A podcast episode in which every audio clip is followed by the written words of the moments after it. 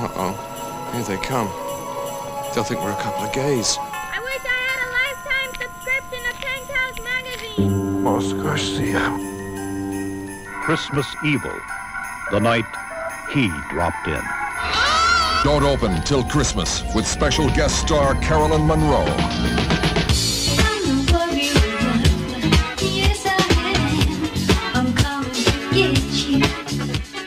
Ho, ho, ho en welkom bij Julius versus Jasper. Mijn naam is Julius Koetsier, daar is Jasper ten Hoor.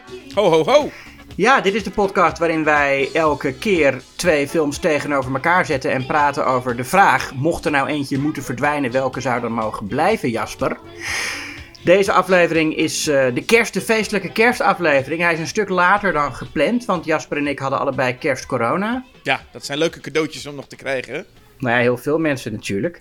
Ik, ja, het is, het, het is wat. Het is wat. We moeten mensen wel vertellen dat jullie op moeten passen. Hè? Als, je, als je moet hoesten of niezen, moet je niet naar het kerstdiner gaan eh, morgen of vanavond. Nee, you better watch out. hey, zo is dat. Maar we zijn wel, voor de luisteraars die dit precies op de dag luisteren, eh, wel net op tijd voor kerst. Ja, het is, hij komt op, op de dag van kerstavond. Staat hij Ja. online. En de kans is ook nog aanwezig dat je dit later luistert, dus na kerst. Misschien zit je het in de zomer Ja. te luisteren, kan ook. Bewaar hem dan maar tot. Als het, als het geen kerst meer is, dan moet je hem maar bewaren tot eh, volgende kerst hoor. Nee, Ik, ik, vraag me trouwens- ik moet er even bij zeggen dat mensen niet nu meteen eh, eh, de podcast uitzetten. Na, nadat ik zei wat ik net zei. nee, dan ben je te laat. Ehm, Die hebben dat al gedaan nu, dus die horen ja. het niet meer. Maar ik bedoel, met de, de kerstdagen zijn tot 6 januari. Hè? 6 januari is Drie Koningen. Dat is de laatste dag van de kerstdagen. Oh, ja, dus dus het mag dat- nog tot 6 januari. Dan mag je ook de kerstboom. Op 7 januari mag de kerstboom de deur uit. En eh, eh, dat is eh, hoe het is. En dan nu die twee Ja. films die we dus bespreken. Je zou zeggen, we hebben een keertje Silent Night, Deadly Night 1 tegen 2 gedaan. Mhm. En dan denken mensen, nou, je gaat een kersthorror doen. Dan doe je natuurlijk Black Christmas. Ja, maar waar doe je Black Christmas tegen? Ja, precies. Dat is dan de vraag. Er is eigenlijk geen, geen andere kerstslasher die zo goed is als Black Christmas. Dus je zou hem eigenlijk tegen. Je zou hem eerder tegen Halloween doen of zo. Maar ja, Halloween hebben we al een keer gedaan. Eh, dus toen dachten wij, weet je wat we doen? We doen, nou, er zijn genoeg. Dus er is best nog wel een lading kersthorrors om uit te kiezen. Oh ja. En eh, wij gaan er dus twee tegenover elkaar zetten. Twee kersthorrors uit de jaren 80. Met eh, in ieder geval moordende, een moordende kerstman. Dat is Ja. een ingrediënt. En, ja. en een, een traumatische jeugdervaringen waarbij seks en kerst samenkomen. Dat is een beetje ook centraal. Ja, I Saw Mommy Kissing Santa Claus is het, eh, het lied dat daarbij hoort. Maar dan een eh, heel traumatische versie. Ja. Nou ja, de mensen hebben het in de titel al gezien. Het is Christmas Evil tegen eh, Don't Open Till Christmas. Yes, Christmas Evil ook bekend als You Better Watch Out. Of eh, Terror in Toyland. Ja, stel je voor. Maar Christmas Evil is wel een goede titel. Ja, ik had deze film, ehm, toen ik hem voor het eerst zag, wat een paar jaar geleden was, eh, had ik verwacht dat het een slasher zou zijn. Ja. Wat het lijkt- niet echt is. Ik zat, ik zat eigenlijk die hele film zat ik te wachten tot, nou, nu zal hij wel eh, het, het beltje pakken. Zoals op de poster staat zo'n mooie kerstman die met een beltje bij, eh, bij, een, bij een open haard staat. Mhm. Nou, maar dat, dat, dat zal. Ik dacht na 20 minuten of zo, nou, dat gaat een keer beginnen. Het is eigenlijk pas na een hele lange tijd dat hij ja, een paar mensen eh, afslacht. En dat is maar heel kort. Ja. Het is meer een soort. ehm, Taxi Driver ja, het is. Falling ja. Down. Ja, ja, en ja, wat slashers betreft, zit het heeft er ook iets van Maniac. Een beetje, weet je, ook zo'n Ja. een, een creepy loner die heel geobsedeerd raakt door bepaalde dingen. Ehm, ja, het, het is ook natuurlijk de marketing, want die poster, daar staat ook op... First came Halloween, then came Friday the 13th, and now... This Christmas you better believe in Santa or he'll slay you. Ja. Dat is een lekker lange tagline. En dan ook nog eens Christmas Evil, The Night He Dropped In. Wat een, volgens mij een verwijzing is naar Halloween, The Night He Came Home. Dat zal waarschijnlijk wel, Ja. Laten we in ieder geval even de, de, de vooropstellen. Dit is, we beginnen bij Christmas Evil, want die kwam eerder uit. Mhm. Dus daarom hebben we het daar nu over. En ik zal het voor die film opnemen. Mhm. En dan komen we straks bij jou en, en, en eh, eh, Don't Open Till Christmas. Ja. Ik heb even gezocht naar even een, een, een, een plotomschrijving op de achterkant van de Nederlandse videoband. Maar die kon ik niet Ah. vinden. Oh. Maar dus ik heb maar even de, de, de Engelse gewoon door een vertaling gegooid. Dan hebben we alsnog een beetje een soortgelijk iets. Oké. Want dan zie je al aan dat in de tekst praten ze ook gewoon al over een moordende kerstman, waar de film eigenlijk niet echt over gaat. Hm. Als jongen zag hij mama de liefde bedrijven met de kerstman. Als volwassene is hij een gekke moordenaar die een lijst heeft bijgehouden van alle meisjes die goed zijn geweest en alle meisjes die slecht zijn geweest. Het Ja. is kerstmis en alle stoute meiden zitten in de problemen. Een man verkleed als kerstman struint door de straten en vermoordt op brute wijze onschuldige meisjes. Wie zal zeggen of de vriendelijke oude heer op wiens knie uw dochter zit een maniacale moordenaar is? en dan inderdaad de tagline, ook de tagline die ik iedere keer op de videoband hier zie, is Better watch out, better not cry, or you may die. Ja. Ja, Nou ja, nee, het begin klopt nog wel, maar daarna heeft de, heeft de, heeft de tekstschrijver zijn eigen verhaal verzonnen. die heeft heel, niks van deze film gezien, geloof Ja. ik. Nee, Ja. je, je, ziet een je ziet een kerstman met een bijl en je denkt, daar zal het daar wel over gaan, gok Ja. ik. Stoute meiden. Stoute meiden, ja. ja. Eh, ja, geschreven en geregisseerd door Lewis Jackson. Mhm. Wat we al zeiden, beide films hebben iets met een traumatische ervaring. En deze film begint bij kerst 1947. Mhm. Een, een jochie ziet nogal een magisch schouwspel van de kerstman bij de schoorsteen. En is daar best wel eh, door geobsedeerd, wat ik me voor kan stellen als je dat soort magische dingen ziet. Ja. Maar als hij later nog een keer kijkt, dan zit de kerstman ineens een beetje met zijn, eh, met zijn moeder te fozen. ja. Nou, echt fozen. Je, hij zit vooral heel raar op zijn knieën, zit hij een beetje die, dat, dat been van die moeder te strelen. ja.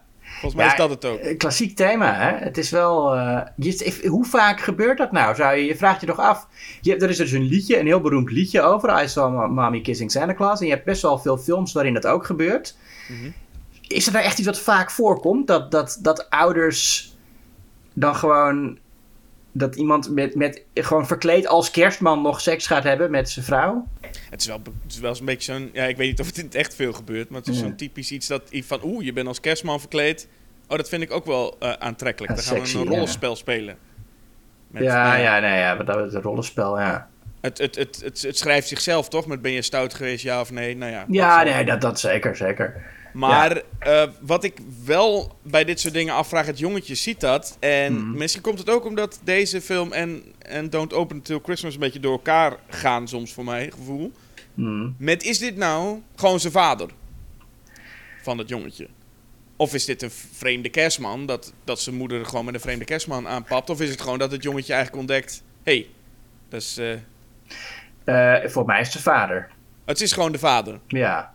Dus dan kunnen het nog meerdere traumatische dingen zijn. Of hij ontdekt, Ja. oh, de kerstman is eigenlijk niet echt. Of hij ontdekt, oeh, mijn ouders hebben seks. Wat ook traumatisch kan zijn voor zo'n jongen. Ja, het is in heel veel slashers ook zo, hè? Dat een kind inderdaad eh, flipt als hij zijn, ouders een keer seks ziet hebben.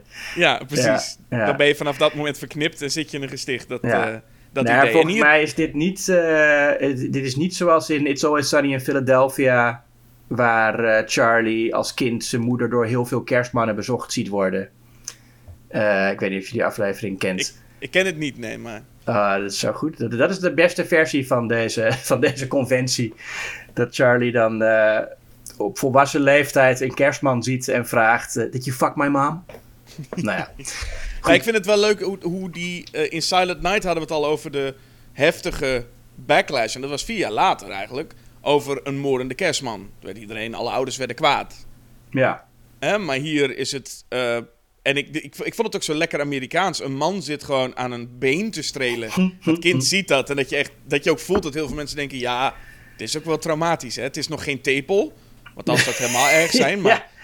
je zit Jongen, als, been als, ik, als ik denk aan wat ik Sinterklaas allemaal heb zien doen in mijn woonkamer. Nou, ik zou. En, en we zien wat het met hem doet, deze Harry. Hmm.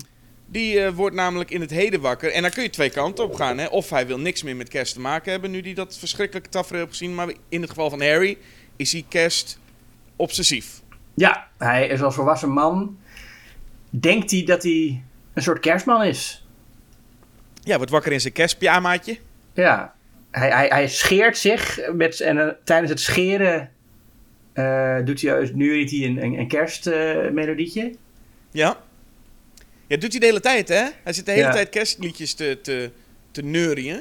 maar hoe hij zich scheert vind ik ook wel grappig. Dat hij ook met dat ritme en hij snijdt zichzelf dan ook, omdat hij nogal slordig aan het scheren is. wat in de plotbeschrijving nog wel klopt. eh, hij loert naar buurkinderen, een beetje à la Rear Window. Zit hij een beetje te, te, te loeren naar de buurkinderen wat ze doen. En dan schrijft hij het op in een boek. Ja.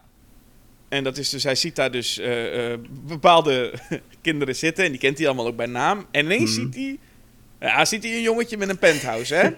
Ja. En dan hoor je in zijn hoofd al de, de naam Moss Garcia. Moss Garcia, want dat is dat jongetje. Die zit met Ja. een penthouse en die knipt daar een vrouw uit. Ja. Nou, hij, die man weet niet hoe snel hij weer naar huis moet rennen... om in het boek bij het hoofdstuk Moss Garcia op te schrijven... Impure Thoughts. Neg- negative body hygiene. Precies, daar zet hij daarna ook nog... Ik weet niet waar hij dat op baseert, maar... nou, wat- dat is, voor mij bedoelt hij daar wordt ook morele hygiëne meer mee bedoeld. Dat is een beetje ouderwets. Ook dacht dat hij vond dat Garcia ook stonk. Nee, volgens mij is, wordt daarmee ook eh, een soort masturbatie bedoeld of dat soort dingen. Dat, eh, Oh, oh zo. Dus de- deze ene aanschouwing krijgt echt meteen twee, ja, ja. twee opmerkingen in het grote boek. En Ja. dan pakt hij, voor, voor, voor de, eh, pakt hij ook nog even het goede boek erbij. En dan zet hij bij Susie Lovett zet hij gewoon neer... Just a darling. ja. ja, ik vind hij, wel, hij wordt gespeeld door, eh, hoe heet hij, Brandon Maggart. Mhm. En hij speelt hem wel eh, een beetje, het is, het is wel geloofwaardig, echt zo'n soort zachte man. Die Ja. de kinderen ook fijn begroet. En, en, en, maar ook, je, ziet, je, je gelooft ook echt dat hij, dat zo viezig is. Hè? Dat hij daar zit te gluren door die ramen. En hij, ja, hij ziet natuurlijk veel meer dan je, denk ik, zou moeten kunnen zien. Als je gewoon elke dag probeert door de ramen van je buren te kijken Ja. leer je niet alles over die kinderen. Maar goed, hij ziet dat wel. En ik vind het echt wel mooi gespeeld. Want het is niet over de top of zo. Hij speelt be- best wel realistisch. Gewoon zo'n soort op het eerste gezicht vriendelijke, onschuldige man uit de buurt. Voor wie de, de buren misschien, met wie de buren misschien een beetje medelijden hebben ook. Ja, het is niet alsof hij, alsof hij gecast is, zeg maar dat Michael Rooker gecast is. Nee, Waardoor je nee, meteen nee. weet van, oh, dit gaat er gebeuren. Ja. Dat is best, best een, een aardige man. En dat, en dat Mas Garcia kreeg nog een heel leuk staartje later in de film. Want dan loopt, loopt hij gewoon op straat en die kinderen roepen ook naar hem, hè. Van, hey, Mhm. hallo. En dan roept een van die kinderen, ik wou dat ik een brandweerman was. En dan zegt een ander kind, oh, ik wou dat ik de directeur van de school was. En dan, dan roept er ineens één stem van die kinderen, roept, ik wou dat ik een abonnement had op Penthouse Magazine. en dan hoort, hoort hij in zijn hoofd meteen de stem, Mos Garcia. ja. Dat vind ik zo geestig. Dat gewoon wat, wat, eigenlijk dat alleen al vind ik al zo leuk in deze film. Het, het, wat Harry en Mos Garcia met elkaar hebben. Maar hij gaat daarna ook nog naar die Mos Garcia toe. En je denkt dat het een heel groot element van het verhaal wordt. Maar dat valt eigenlijk wel mee. Mhm. Maar het is, het is wel al een paar keer komt het terug dat deze Mos Garcia met zijn penthouse. Ja, dat zit, dat zit Harry niet lekker. Hè? Dat, eh, dat zit niet goed. Nee, Mos Garcia is een beetje de, de Tommy Jarvis van als dit een, een reeks zou zijn geworden. Dan zou Ja, Mos. Garcia de Tommy Jarvis zijn van, eh, Ja. van Harry. Ehm, Hij heeft ook een baan, onze Harry. Zeker. Hij, eh, is, eh, hij, hij werkt bij Jolly Dreams, een, eh, een speelgoedfabrikant. Mhm. Ik weet niet of ze nou heel succesvol moeten zijn. Maar dat- nou, het is allemaal een beetje van dat clichématige speelgoed. Maar misschien was dat in 1980 ook wel zo. Dat dat gewoon alles is wat er was. Ja, ze- zeggen ze, daar zeggen ze volgens mij niet echt iets over, toch? Nee. hoe geweldig populair ze zijn. Nee, dat, nee, niet zoals Silver Shamrock in eh, Halloween. Dat, eh, Ja, daar moest ik ook aan denken. Dan krijg je Ja. van die, van die, van drie van die klote maskertjes en dat is dan super populair. ja. Maar dit is ook een beetje van dat rukspeelgoed, toch? Er zit, ja, van die- ja, precies. van die mannetjes worden op, en dat staat in mensen in de lopende band, en die zijn van die mannetjes op motors aan het, eh, Zet, aan het klemmen. Maar goed, Harry is, is trots op zijn werk en, en vindt het belangrijk dat kinderen goed speelgoed hebben. Zijn collega's eh, eh, wat minder. Met name Frank, hè. Ja, Je ziet ook meteen, hij houdt van kerst, deze Harry, maar collega Frank die zegt iets over dat hij kerst haat. Mm, En je ziet ook, ook Harry's gezicht meteen vertrekken als iemand dat zegt. ja, ja. Iemand die kerst niet leuk vindt, dat, nou, dat gaat hem wel echt ver. Hij is echt een, een, een- ja, gewoon zo'n kerstfanaat. We zien hem later ook thuis. Dan zit hij de parade, eh, zo'n parade te kijken op televisie. En dan is hij helemaal, zit hij echt, echt helemaal verliefd naar die kerstman te kijken. Ja, het is wel een mooi, eh, een mooi tragisch portret van zo'n man. Ja. Nou, het zo zegt, ik zit te denken aan die man, die arme Harry, ja. Ja, maar het is toch, ik bedoel, het is niet, hij is, hij is ook weer, het is niet zo effectief, vind ik, als bijvoorbeeld in Maniac of in, nou ja, Taxi Driver, wat natuurlijk een heel andere orde is. Ehm, het is ook weer niet, omdat het ook niet, het is niet heel origineel, dit, eh, dit portret. Weet je wel, het is, een, het is gewoon, ja, je hebt zo'n man die dan, die dan het goede wil doen en geobsedeerd is door het idee dat, dat mensen braaf en stout zijn en, en dat je braafheid moet belonen. En eh, misschien hoopt hij wel dat hij nog een keer beloond gaat worden voor zijn goede gedrag. Ja. Ehm, ja, je zou hem nu ook een soort, als als iemand kunnen zien die een incel eh, pamflet eh, gaat schrijven. Ja, en het lastige is, ik, ik zag deze film ook voor het eerst en dacht ook een slasher te zien, of Mhm. te, krij- te zien te krijgen. En dat kan enerzijds teleurstellend zijn, Ja. als je dan ontdekt dat, als je in ieder geval een slasher wil en je krijgt hem niet. Maar het geeft tegelijkertijd, je hebt eigenlijk geen idee welke kant het dan überhaupt wel op gaat. Want deze hele opzet, hij heeft een collega die die maar kloten vindt. Hij, Mos Garcia, daar heeft hij wat tegen. Ja. Later ontmoet hij een, op een feestje een nieuwe een soort werknemer, nieuwe baas of zo. En die snapt niks van speelgoed. Ik vind die ook heel kwalijk. Dus dan, dan zie je ook dat hij boos wordt, omdat deze persoon speelgoed niet, niet begrijpt. En de kinderen. En dan ga je toch denken, oké, dit is allemaal opzet. En hij gaat straks al deze mensen vermoorden. Of zoiets. Maar omdat dat maar niet gebeurt, denk je de hele tijd... Ja, maar wat, wat gaan we dan wel doen? Harry, wat ga je doen? Daar ben je echt heel lang mee bezig. En dat vind ik ook wel weer interessant. Eh, ja, wat, wat hij bijvoorbeeld doet, is hij begint eh, speelgoed te stelen uit eh, de fabriek waar hij werkt. Ja. Oh, hij heeft trouwens ook nog een jongere broer. Dat is ook nog, die, die zit er ook nog in, hè? Phil. Ehm, en die is ook, dat is ook wel een, een aardig personage, want die heeft dus dan wel een, een, een connectie met zijn broer, maar hij vindt.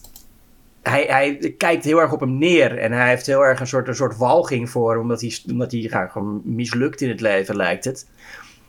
En hij heeft dan zo'n vrouw die dan zegt van... nee, maar het is toch je broer en die moet toch ook gewoon gezellig komen met kerst. Ehm, zegt zo, ja, ik denk dat heel veel mensen wel zo iemand kennen. Dat is ook wel typisch. Dat je... Maar heb je het over Harry of over die broer? Nee, over Harry. Dat, voor mij heeft, hebben heel veel mensen wel een Harry in hun leven. Zo iemand waarvan je denkt van ja, hij doet, hij doet geen vlieg kwaad. Maar het is toch, doordat hij zo, eigenlijk zo'n beetje zo'n loser is, is het toch, niet, ben je niet graag bij hem of zo? Het, het- ja, ik weet niet. Er zijn, ik denk dat heel veel mensen wel zo iemand in hun familie of, of anders omgeving hebben. Ja. En anders ben je het zelf misschien wel. Oeh, enge gedachte. Dat, Nee. dat is ook, ben je een Harry? Is altijd Nee, dat, dat, dat zijn onze luisteraars niet. Nee. Maar het is dus die...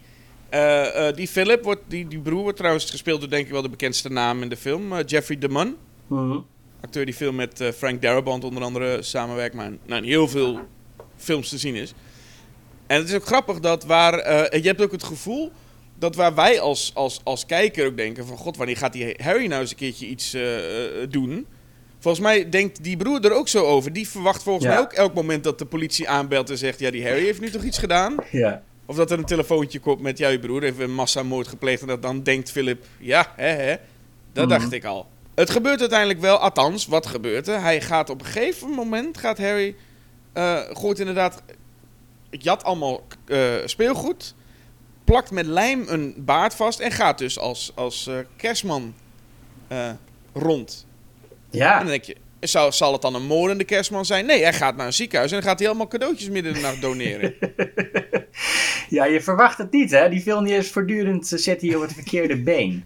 ja, Het zou wel leuk zijn als er helemaal geen moord ook in voorkomt. Maar dat gebeurt uiteindelijk gelukkig wel. Het gebeurt uiteindelijk wel, maar het is echt... Hij, Maar, gaat met een busje naar, naar, naar een ziekenhuis, midden in de nacht ook. Dat is ook niet echt een moment. Ja. Dat zegt ook de bewaker nog, van wat, wat doe je nou midden in de nacht? Maar, en, hij, en je denkt, nu gaat het helemaal mis. Maar nee, de scène loopt af met het feit dat hij allemaal speelgoed geeft aan, eh, aan, aan ja, het dat, is, dat vind ik echt leuk. Dat hij dan, want hij staat daar. Hij de- ja, ik ben toch gewoon de kerstman? Waarom doe je zo moeilijk? Ik, ja, ik, ik ben de kerstman. Je moet toch gewoon binnenlaten? Wat is dit? En die Ja. bewaker, die daar inderdaad gewoon een normale bewaker is. En maar op een gegeven moment lukt het dus toch, omdat ze denken dat, het, dat de fabriek speelgoed heeft gedoneerd zonder dat van tevoren te laten weten of zo. Ja. Mag hij toch eh, dat speelgoed daar afleveren? Ja, dan wordt het, wordt het allemaal massaal die bus uitgehaald. En hij begint daar dan ook, terwijl die bus leeggehaald wordt, echt als een maniak te lachen. Ja. ja. En dat is dan nog het engste deel. Maar hij komt, hij komt niet binnen. Hij komt niet, ik bedoel, je denkt nog, nou komen de scènes met lange ziekenhuisgangen met een kerstman. Nee, hij staat maniacaal te lachen terwijl het gaat sneeuwen en die mensen die hele bus leeg... eh, leeg eh, Ja, ja, hij lacht als de kerstman. Die Nou. maniacaal Jasper. nou, Het is gewoon ho ho ho, zoals de kerstman. Dit gaat wel ietsjes verder hoor. Ik weet niet of... eh, Nou, als, jij voor het- als jij zulke kerstmannen voornamelijk hebt gezien... dan krijg je Don't Open Till Christmas. Het, het is nu dus het, het- een, een ding dat hij dus die, die, die eh, cadeaus heeft afgeleverd. Mhm. En dan komt hij bij, gaat hij naar een kerk. En daar Ja. is die baas en die nieuwe man, zeg maar, die nieuwe, waar hij ook een beetje boos op was. Die, niet, die, die cadeaus en speelgoed niet echt begrijpen. Ja. Dan denk je, oké, zal het nu dan gebeuren dat hij op een of andere manier, hè, we zijn, we, het, is, het is een uur in de film, dat hij op een of andere manier, nou ja, het wraak gaat nemen op die baas. En hij gaat dan zijn eerste moord plegen, maar wel totaal willekeurige eh, slachtoffers. Ja.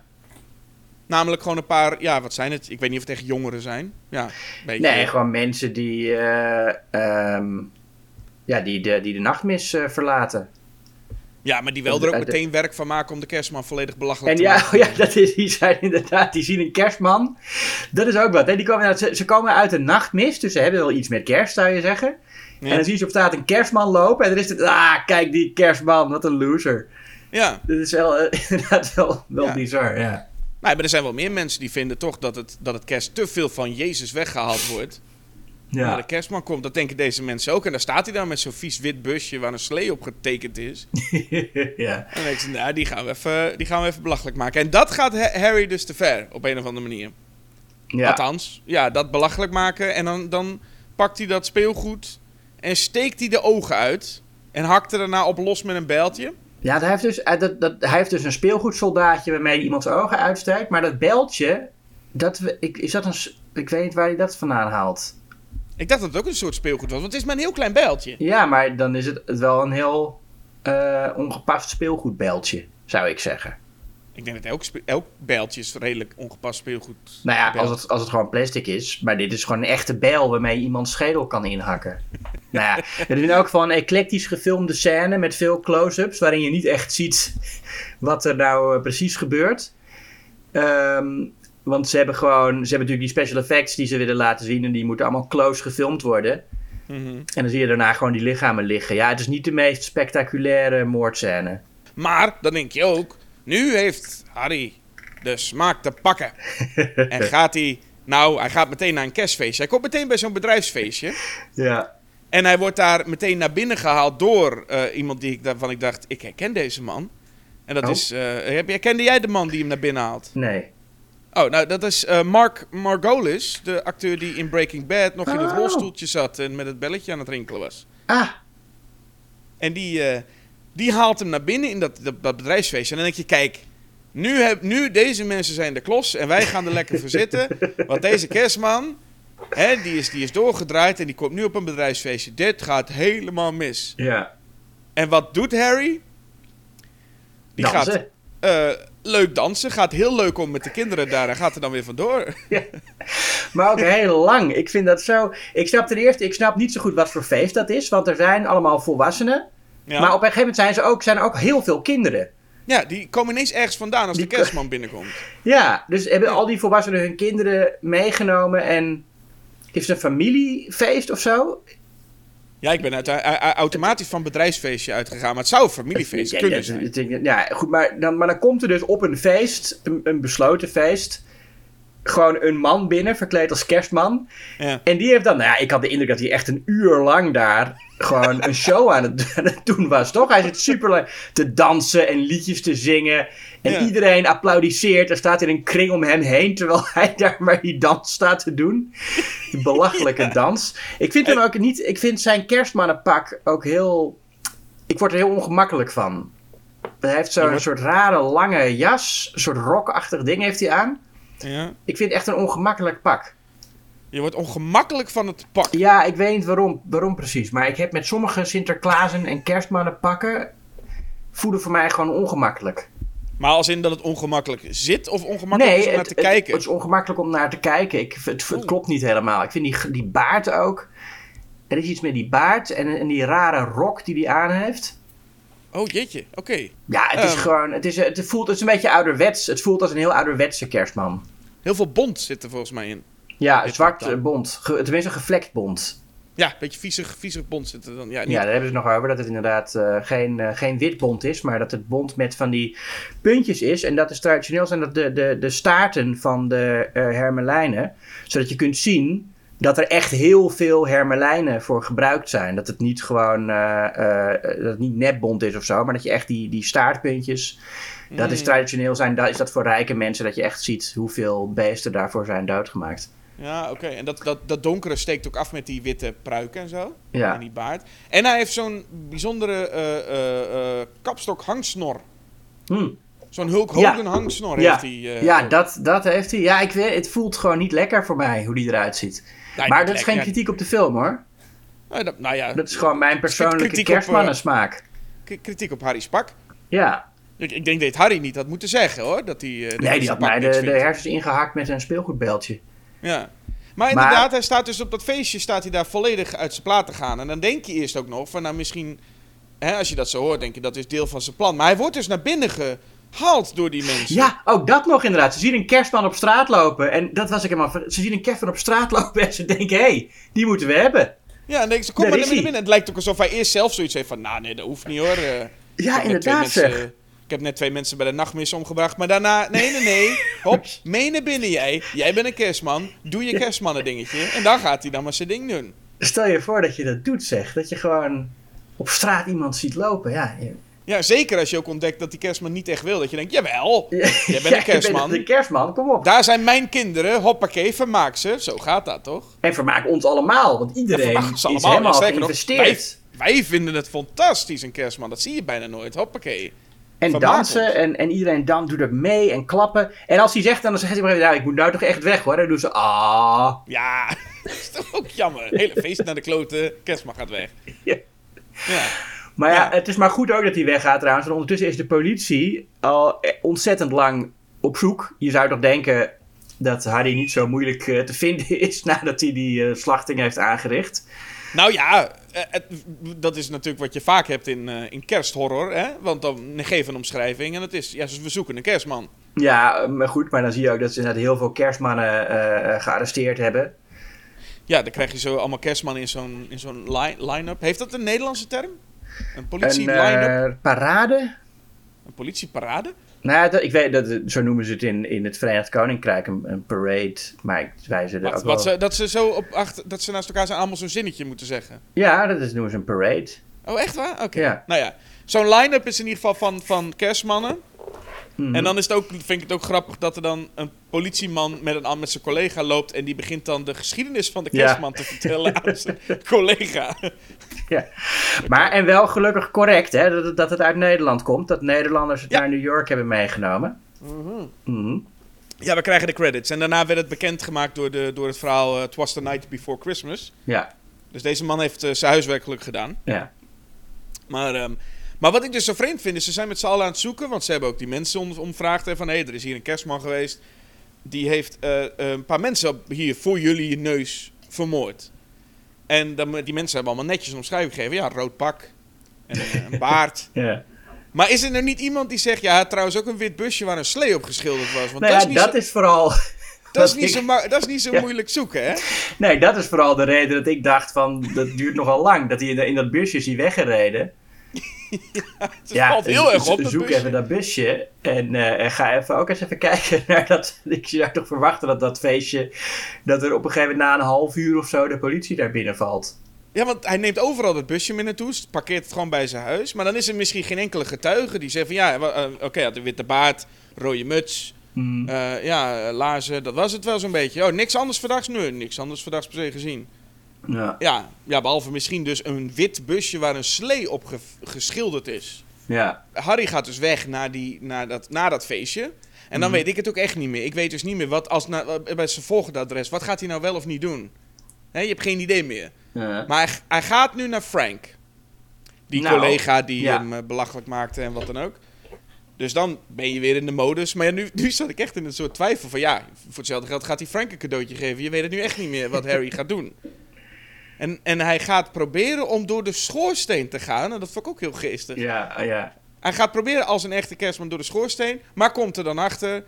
Nee, dat past niet. Nee. Dus dan krijg je best wel een lange scène van Frank, of Harry die als kerstman vastzit in de schoorsteen. En dan, eh, en, en dan eruit, eh, uiteindelijk eruit weet te komen. Ja. En maar op een andere manier het huis binnen moet.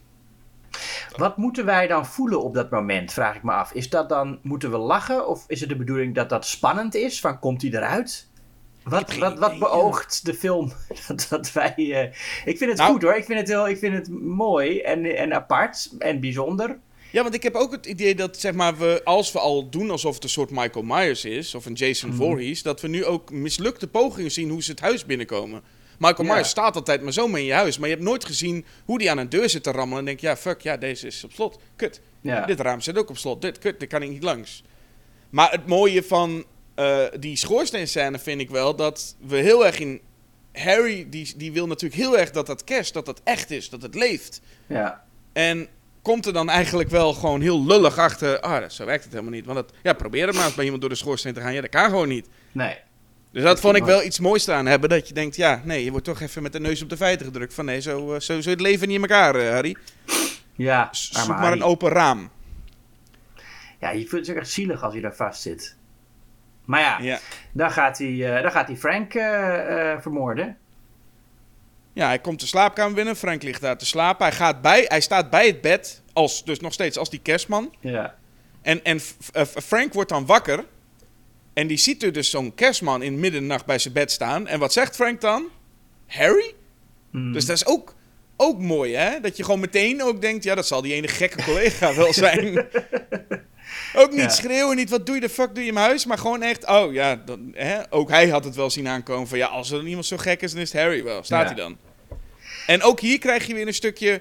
Zo werkt het in de film altijd wel. Hè? Je gooit een kus op iemands gezicht. En in dit geval was het volgens mij zijn, zijn zak met cadeautjes. Cadeaus, ja. En dan stikt iemand na 10 seconden of 5 seconden. Zie je de benen niet meer sparten en is klaar. Maar hier, Harry probeert het te laten stikken, maar dat lukt gewoon niet. Ja, dat is leuk. Ja, dat is ook, ook weer zo'n stukje. hey, zo werkt het niet. eh, zo werkt het in de film, maar niet, niet in het echt. Ja. Eh, uiteindelijk moet hij hem met een, eh, met een kerstster eh, doodsteken. Ja. Wat ook, wel, wat ook wel weer fijn is voor de, voor de slasher creds van de film. Dat er niet gewoon wurgen, dat is wel een beetje saai. Ja, je zag de mensen inderdaad van, oh god, gaan we dit nou krijgen? Maar gelukkig, het werkt niet. Ja. Dus, dus dan maar de ster boven van de boom af en eh, de keel doorsnijden. Hm. Ja, en, en een van mijn favoriete stukken is nog wel de volgende ochtend. We zijn weer bij Philip, hè, de broer, Jeffrey de Munt thuis. Hm. En dan is het op het nieuws. Vind ik zo mooi dit. Dan wordt het nieuws onderbroken. En dan zien we de nieuwslezer, die echt even breaking news, want er is een moord gepleegd. En de nieuwslezer, Ricardo Bauma is dat, dus die man met die snor. Ja. Die pakt echt zijn momentje. Die, zeg maar heel, die staat dan bij die nachtmis. Bij die, of in ieder geval, nee, niet bij die nachtmis, bij die kerk waar Ja. die nachtmis was. En dan, in plaats van dat hij gewoon zegt van, nou, hier is net een moord gepleegd, begint hij met de tekst met... The church behind me is a landmark, famous through the Ja. east, for the beauty of its services. Ja. En hij sluit dan ook af, vind ik ook heel mooi. Dan heeft hij gewoon gezegd van, nou, die is een moord gepleegd en eh, bla bla bla. En dan sluit hij af met bel het alarmnummer. En dan zoomt hij zoomt in op zijn gezicht. En dan zegt hij, vlak voordat we wegknippen, nog met... Weet je, ik blijf altijd maar denken, hè. Hoe zou het zijn? En dan, en dan gaat de scène verder door. Maar dan Ja, denk ik, zo, zo, zo was het nieuws vroeger, Jasper. Toen werd er nog wat poëtisch gemijmerd in die teksten. ja, dat is toch leuk? Echt breaking news. Een Ja. televisie kinderprogramma wordt onderbroken. Breaking news. En dan zie je die man en die, denkt, die begint dan inderdaad een beetje te meanderen van... Ja, ik moet dit, dit, dit doet me denken aan vroeger. Ja, dat vind ik mooi. dat vind ik echt heel grappig. Wat we nog helemaal niet genoemd hebben, is dat hij ook nog eh, eh, een, een, een, een zak met, eh, met troep bij, bij Mos Garcia heeft achtergelaten. Dat was zijn, zijn wraak op Mos. En hij is ook nog na zijn moordpartijen is hij weer eh, eh, teruggegaan naar de fabriek. Om alle eh, al speelgoed kapot te maken. Ja. Want hij vindt het speelgoed niet goed. Nee. En dat is ook zo, dat is, zo, dat is dan leuk. Hè? Dat is zeg maar de, de finale van, de, van de, de slachtnacht van de kerstman is dat hij naar de fabriek gaat en die lopende band aanzet, zodat al die speelgoedjes er vanaf vallen en kapot vallen op de grond. Ja, en daar Nou zie je ja. ook echt dat het echt gewoon troep is. Ook. Ja. Nou, de grote climax van de film, Mhm. en dat is ook volgens mij wat, eh, wat regisseur eh, Lewis Jackson ook heeft aangegeven: van ja, ik wilde minder een slasher maken, ik wilde meer Frankenstein maken. Oh ja. Hoewel ik heel erg, ja, dat kon hij toen nog niet weten, maar ik kreeg heel erg eh, Evil Dies Tonight in mijn. eh, sprong even in mijn gedachten met eh, Halloween Kills. Want ja, er gaat een flinke meute achter de kerstman aan, hè? Met fakkels. Ze hebben opeens allemaal fakkels. Iedereen heeft ineens fakkels. Ja. Ja, dat is, ik bedoel, zo'n meute is nog één ding, maar hoe krijgt iedereen ook gewoon meteen zo'n perfecte fakkel? ja. Nou ja, dat, dat mag je ook weten. ja. Maar ze, ze weten hoe ze het moeten gebruiken, want ze echt met massaal gaan ze met z'n allen achter deze kerstman aan. Ja, Ja, tot ehm, hij eh, de kinderen ziet. met die Susie Lovett volgens mij die ervoor gaat staan. Ja. Ze zegt, nee, dit is de kerstman. Doe normaal, vader. Doe normaal, vader. Zegt Ja. ze. Ja. En, en hij gaat er dus vandoor, volgens mij nog steeds in die bus. En daar gaat hij dus naar zijn broer toe. Want ik vroeg me al af wanneer Jeffrey DeMunn nou een belangrijke rol ging krijgen. Want die zat de hele tijd alleen maar af en toe in de film met... Och, och, och, die Harry ook. En Mhm. dat was het dan. Zijn er voorbij. ja. Maar hij gaat naar zijn broer toe. En die broer, die, die, die Phil, wat jij ook zei, hè, die, iedereen kent wel zo iemand dat je... Nou ja, hij is Harry dus redelijk zat. En nu zoveel zat, want hij krijgt de schuld van al- dit alles. En dat is ook wat, hè. Dat die Harry geeft eigenlijk gewoon zijn broer de schuld, want zijn broer was erbij. Die ene kerstavond dat hij eh, zo'n traumatische ervaring opliep. Ja. En zijn broer had toen iets gezegd over, ja, ik geloof niet in de kerstman of zo. Nee, ja, en eh, voor mij had hij ook gezegd wie de, wie de kerstman was. Hij heeft verteld van de kerstman, dat is, eh, dat is onze vader. Ja, precies, ja. En dat maakte... En de- ja, goed, daar, daar heeft hij natuurlijk groot gelijk in. Dat had hij Ja. nooit mogen doen.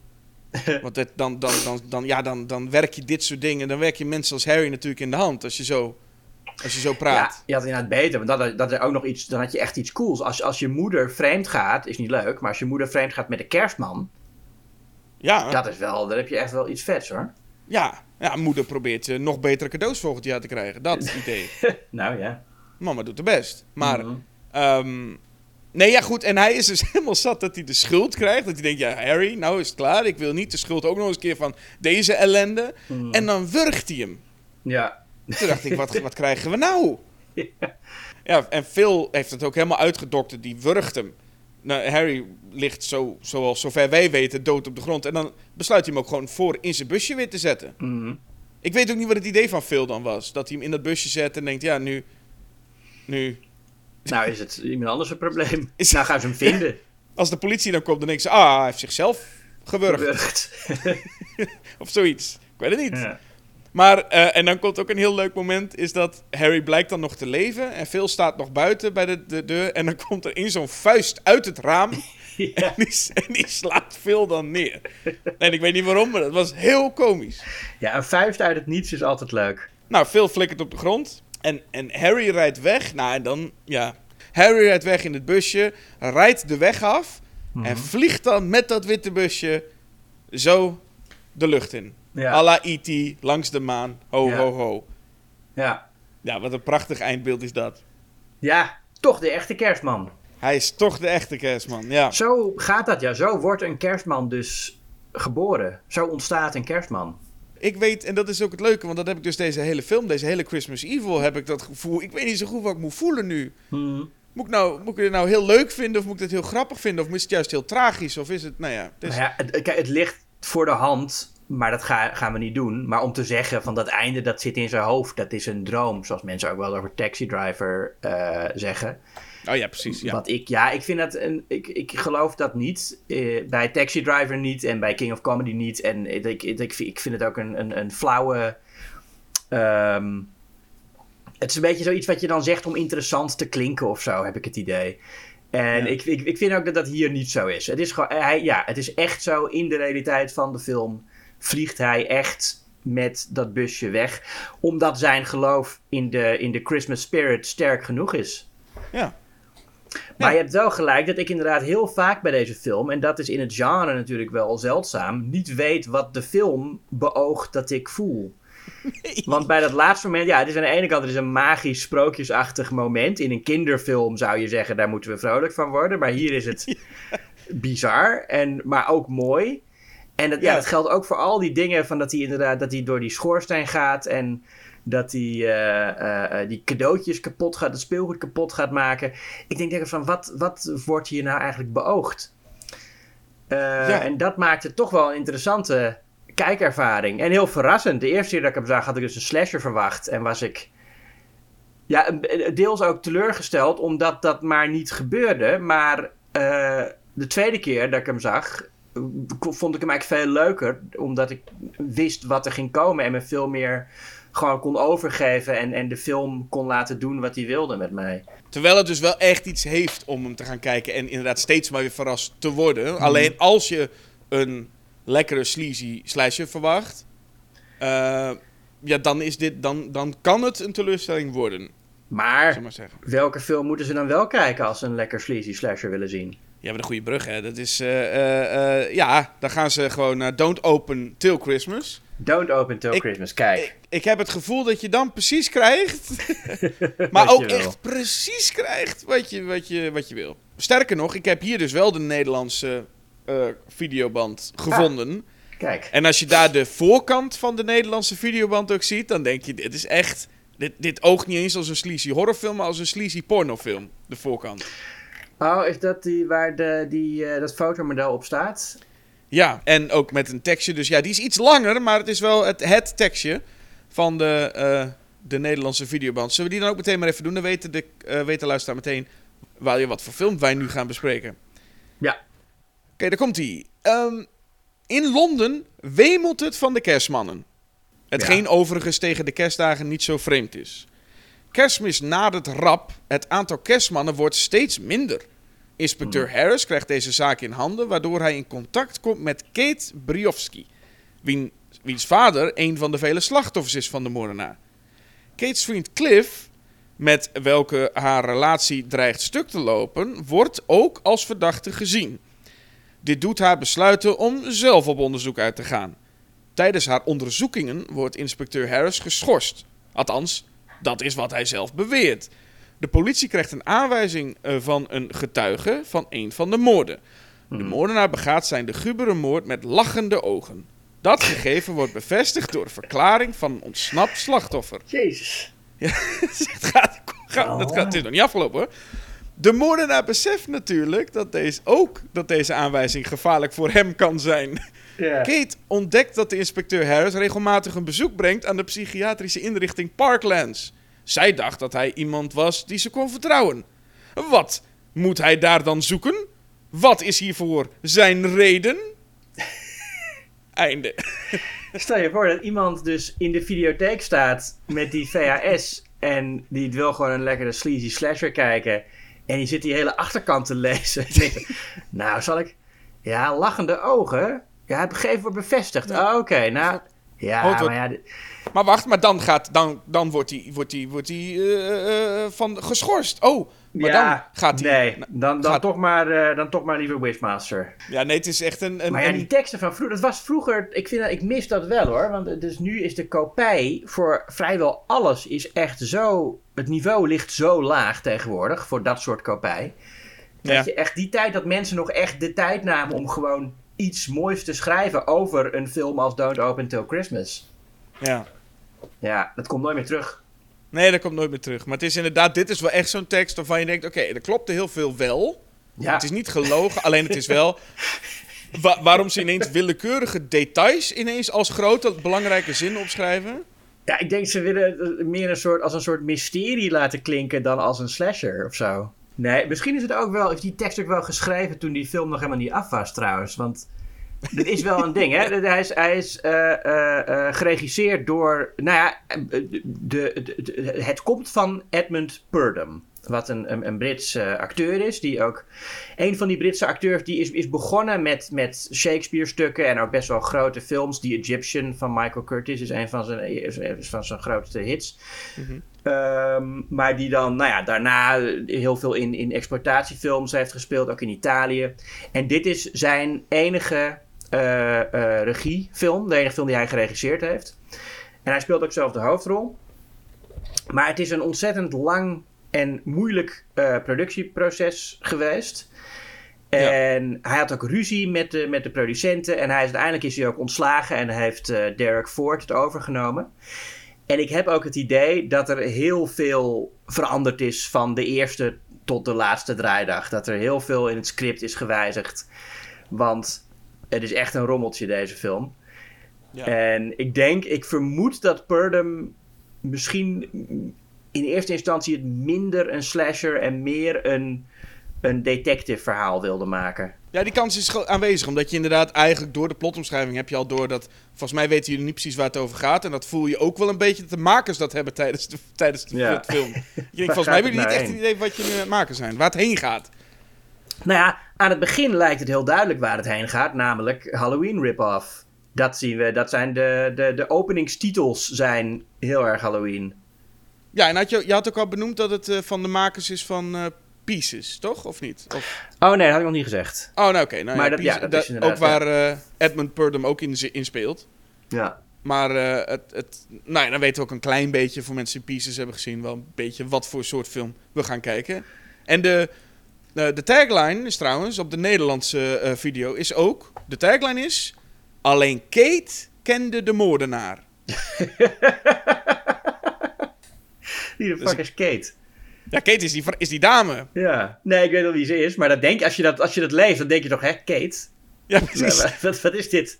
Maar ook Ja. omdat die dame op de voorkant staat, zeg maar, maar daar is Kate ook helemaal niet. Nee. Dus er staat een dame op de voorkant en er staat dan iemand alleen Kate kende de moordenaar. Maar volgens mij klopt dat ook helemaal niet. Nee. Alleen Kate kende de moordenaar, dat staat, helemaal, dat staat echt helemaal nergens Zij kent de moordenaar überhaupt niet, Kate. Nee, dat is Geen idee hele wie punt. het is. Niemand weet wie het is, maar hey, we weten wel wat we krijgen, want eh, nou, we zien meteen de film opent en een stel gaat seks hebben in een auto in een onguur steegje. Ja. Nou, dan eh, En ze worden dan begluurd door een, een, een man. ja, eh, die. eh, ehm, ja, nee, de, de, de, de man is trouwens verkleed als, als kerstman. De man die seks heeft. Dit is namelijk niet een film met een moordende kerstman. Nee. Maar waarin kerstmannen juist vermoord worden. Dus, Nou ja, wij weten trouwens niet of het een moordende kerstman is, want wij weten op dit moment niet wat de kerstman of wat de moordenaar aan heeft. Nee, want het is point of view. Ja. En we zien hoe die zitten gluren. En Hij- die vrouw die zegt dan iets van, eh, joh, rot op. Maar die man die zegt, ach, laat maar. Of Nee, nee, is ander- nee, andersom. Ja. Ja. Nee, inderdaad, die, die man die zegt, hé, hey, wat is dit? En Die man die, vrou- die, vindt het vervelend. Want, want, deze persoon die loopt, die loopt flink te hijgen, dat horen we ook. Ja. En je hoort ook de Jaws-theme trouwens. Echt bijna een kopie van de Jaws-theme als hij aankomt lopen. Ja. En hij loopt echt rondjes om die auto. Meerdere rondjes. En die man die ziet dat en die denkt... Ja, sorry, ik, ik vind niet heel chill om iemand die echt rondjes om de auto loopt... om dan seks te hebben. Maar die vrouw die heeft zoiets van... Ah joh, kan je het schelen? Ja. Gewoon doen. Ik wil gewoon seks met, met, met een kerstman hier op de achterbank van de auto in een steegje. Dan maakt die man toch niet meer uit? Nou, het maakt wel uit. Jazeker. Want eh, ze gaan er al bij aan. Ja, maar ik snap die man ook wel hoor. Ik, vind, ik zou het ook niet heel, heel gemakkelijk vinden. En ook gezien het point of view is en we echt goed in die auto kunnen kijken, ga je ook vanuit die man echt met zijn hoofd langs het ja, raam. die zit er echt vlakbij, ja. Die zit er echt vlakbij. Snap ik best dat die man even denkt, nou sorry, zo lukt het me niet helemaal. Stel je voor, zeg. Ja, ik, ik, het, sommige details zijn wat wazig bij mij, omdat ik natuurlijk... Ik, we hadden die aflevering eerder willen opnemen, dus het is nou wel, wel een paar weken geleden dat ik hem eh, gekeken heb. Ja. Maar, eh, maar ik weet het nog wel. Vervolgens krijgen we een feestje eh, te zien. Een bedrijfsfeestje. Nou ja, nee, de- de- eerst nog de openingstitels. Nou, die noemde ik net al even, maar die zijn ook heel erg eh, Halloween. Oh ja. Met, dat, met dat trage inzoomen op, eh, op wat is het, een, eh, een, een kerstpiek ja. van een Zoiets. boom. Nee, een, een, een smeltende kerstman. Toch? Oh ja, ja, ja, ja, ja, je hebt gelijk, je hebt gelijk. Nou ja, net, net als, net als de, de, de pompoen in Halloween. Ja. En dan inderdaad een bedrijfsfeestje waar iemand zijn rol als kerstman heel serieus neemt. Die man die zit daar in een stoel voor de spiegel.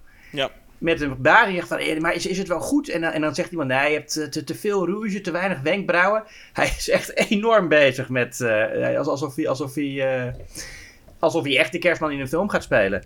En het is gewoon voor een bedrijfsfeestje. Waarbij Ja. iedereen volgens mij al sowieso zo lam is als de pers. Dus dat maakt op dat moment volgens mij echt niet uit wie er ook maar binnen komt lopen. En, en, en weet eh, wie hij is. Ja, hij, is gewoon, hij is gewoon de baas, toch? Ja. Hij, maar hij zegt, op een gegeven moment zegt hij ook iets dat hij bang is dat hij homo is, toch? Dat, of dat, hij, dat, hij, dat hij er eh, eh, uitziet als een homo. Ja, met al die rouge. ja. dan gaan die mensen allemaal denken natuurlijk van het bedrijf. Ja. Ja. Bij Christmas Evil moest je een tijdje wachten. Nou, hier gaat het achter elkaar door, hè? Deze Ja. kerstman heeft namelijk hè, eindelijk roesjes goed en de wenkbrauwen zijn goed. Hij komt op en krijgt meteen een speer door zijn hasses. Ja. En die speer die vliegt door zijn hasses, hij valt neer. En het publiek schrikt daar lichtjes van. Ja. En dat is toch even... En die blijven er met z'n allen staan kijken. En een vrouw, en dat is dan Kate, maar die, die jammert dan ook met... Oh, papa. Want dat is haar vader dan, die daar neervalt. Ehm, Ja. Wat ik al met al een, een nou, milde reactie vind van als ik eh, bij een feestje zou zijn waar de kerstman echt een speer door zijn zou krijgen en neer zou vallen. Hmm. Het publiek reageert echt als een soort van, ah, Ja, Hij was best een- avond. ja, hij was, hij was best een goede kerstman en nu, is- nu is het al klaar. Ja, wie, Oh. wie, wie, wie doet nou zoiets? Ja, vind dat vind ik stom. Dat zou ik dus, nee, ja, sorry jongens, het is kerst, dan ga je niet speren in iemands hoofd lopen gooien. Ja, Nou ja, maar wie, en- wie doet nou zoiets? Dat, dat weten we niet. Nee, alleen Kate kent de moordenaar, maar ja, die weet het ook niet. Nee. Dus, nee, en, en dan is binnen 10 minuten is ook de derde eh, kerstman al aan de beurt. Hè? Dus het is echt even om, om eh, even tempo te zetten. Die Ja. derde kerstman, dus de kop gaat meteen de fik in. Ja. En dat is dus, nou ja, deze, deze kerstman, maar ook deze film, wint er geen doekjes om. Het is hoppakee. Nee, het is eh, inderdaad opschieten met, met, met de moorden. Ehm, Ja. En nou moet ik zeggen, het is ook, dat is ook een stuk uit de, de, de, de, de plotomschrijving. Die klopt echt als een bus. Want de, de begintitel is In Londen wemelt het van de kerstmannen. En dat is ook wel echt zo, hè? ja. Het is ook, je kunt ook geen kant op kijken of er loopt wel weer een kerstman. Ja, en nou zou ik wel willen zeggen. ehm, op een gegeven moment wordt bekend, wordt algemeen bekend dat er een moordenaar is die jacht maakt op kerstmannen. En nou wil ik niet slachtoffers de schuld geven. Maar het is niet heel moeilijk om s'nachts niet verkleed te zijn als kerstman. Je kunt gewoon, als je kerstman hebt gespeeld op een feestje, gewoon op zijn minst je baard en je muts afdoen. Maar iedereen in deze stad die inderdaad terugkomt van een feestje waar ze kerstman zijn geweest, Ja. die gaat gewoon midden in de nacht met, met baard en muts op, lopen ze nog terug naar huis. Ja. Of fietsen ze. Ja, ja. het is niemand, niemand heeft die memo gekregen, zeg maar. nee.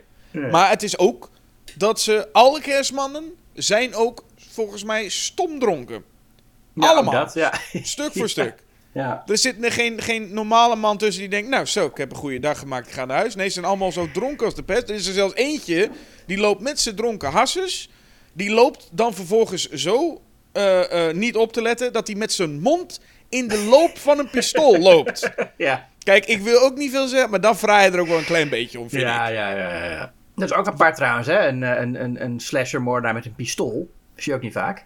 Maar deze heeft wel voor elke moord een ander wapen. Dat is wel eh, leuk. hey, dan gaan we naar Kate en, en Cliff. Want dat, dat is even, we moeten even een paar mensen dan maar neerzetten. Want Ja. het wordt een soort whodunit. Dus laten we dan ook even alle, alle hoofdrolspelers langs. Ja. We hebben Kate, de vrouw van, eh, nou ja, de, de dochter van die man die we dood hebben zien gaan. Ja. Ze heeft een vriendje Cliff, Ja. ook niet onbelangrijk. Nou. nou je, je denkt nu nog, Cliff en Kate zijn de hoofd, hoofdpersonen. Zou je denken, ja. Zou je denken. Ja, want ja, Kate is in ieder geval de, de nou ja, haar... We weten dat Kate het niet is, laat het zo zeggen. Nee, Kate ja, is het niet, dus Kate is- kent de moordenaar, maar Kate is niet de moordenaar. Nee, Kate is niet Ja. de moordenaar. Belinda Maar, eh, speelt Kate. Nee, en ze heeft eh, dus een vriendje Cliff. En we hebben dus meteen twee agenten die eh, op de zaak zitten. Waaronder dus de politieman Harris. Mhm, dat is Edmund Purdom. En hij heeft ook zijn collega Powell. Ja. En dan is er ook nog een andere persoon. Dat is een, een journalist die steeds op, opduikt. Giles. Ja. Hij is van Evening News. Zegt hij. Zegt hij. Ja, dat moeten we dan maar even aannemen nu. Ja. Eh, die duikt op. Ehm, dus die heeft een rol. En ehm, dan hebben we ook nog, dat is dan iets later, maar er komt ook nog een fotograaf Jerry. En dat is dan een, een kennis van eh, Cliff. En dan heb je wel een beetje zo het, het, het rondje samen. En dan krijg je ook dat hele hoe dan het idee dat iedereen op een gegeven moment ook iedereen verdenkt, hè? Ja. Iedereen heeft wel ieder iemand waarvan hij naartoe, waar hij naartoe wijst. Een beetje om te zorgen dat wij ook denken, ja, wie zou het nou bij het rechte eind hebben, hè? Ja, eh, terwijl voor mij is het wel vrij duidelijk wie het is. Toch? Oh ja? jij niet, nou ja, ik denk dat het vanaf het begin is het wel duidelijk dat, dat het die rare man is die doet alsof hij een reporter is en inbreekt op het politiebureau en eh, alles wil weten over de zaak. Eh, ik neem aan dat, dat de meeste mensen wel denken, die Giles, die is wel verdacht. Ik zou nu heel graag willen zeggen dat ik zeg, ja, dat kun je natuurlijk mijlenver zien aankomen. Maar ik vond, ik bedoel, het is een rare man, absoluut. Ik vond dit wel een film van het kaliber, het had echt iedereen kunnen zijn. Nou ja, dat had natuurlijk ook gekund. En ik denk ook dat ze wel een paar red herrings erin willen gooien. Want op een gegeven moment zegt ook een, een getuige zegt ook tegen Powell... van nou ja, het had eigenlijk iedereen kunnen zijn achter dat masker. Hij was ongeveer net zo lang als u. En dan je, oh, misschien is hij het wel. Dus ik, Ja, en dat had, had ook gekund. Ik bedoel, natuurlijk, eh, Giles had ook een red herring kunnen zijn. Ja, Ja, want, want kijk, dus die, die, die Powell, die, die een van die agenten, die denkt echt, hé, hey, die Giles, die vertrouw ik niet. ja. Wat, waar die alle recht toe heeft trouwens. Ja. Ehm, maar die Giles zegt dan weer, ja, maar je moet even op je collega Harris letten, want die is niet te vertrouwen. ja. En Harris, die denkt juist weer, nee, het is, die, eh, het is dat vriendje van die, van, die, van die Kate, die Cliff, dat is hem. Ja, Cliff is ook wel een, een, een, een creep hoor. Zullen we daar even mee. eh, Want we zijn nu in, het- in het plot zijn we nu een beetje bij, bij Cliff. Ja, Cliff, die, die eh, doen we als eerste. En dat gaat wel een beetje samen met, met Jerry, denk ik, die fotograaf die ze tegenkomen, toch? Ja, Daarin ga je toch, ja, nou ja. eh, want die, die duikt ineens op, die vriend. ja wat En- heel raar is, vind ik, dat Cliff staat op straat op de fluit te spelen. ja. En Kate die heeft een pet waarin ze geld van mensen binnenhaalt. Dus blijkbaar is dat hun werk. Dat, ja. Wa- Wat ik, heel, wat ik al, nou, dat, dat kan natuurlijk, maar volgens mij, zij woont in best wel een, een, een mooi eh, appartement in Londen. En ja, maar die Cliff Ja. kan ook fluit spelen, jongen. Ja, nou ja, dat, is- dat is waar. Ja. Maar goed, hij staat inderdaad gewoon te fluiten. En dan komt er iemand aan en die zegt dan: eh Do you take requests? En eerst negeert Cliff die persoon. Maar dan, op een gegeven moment zegt hij iets en dan draait hij zich om en dan is Oh, dat is eh, mijn oude vriend.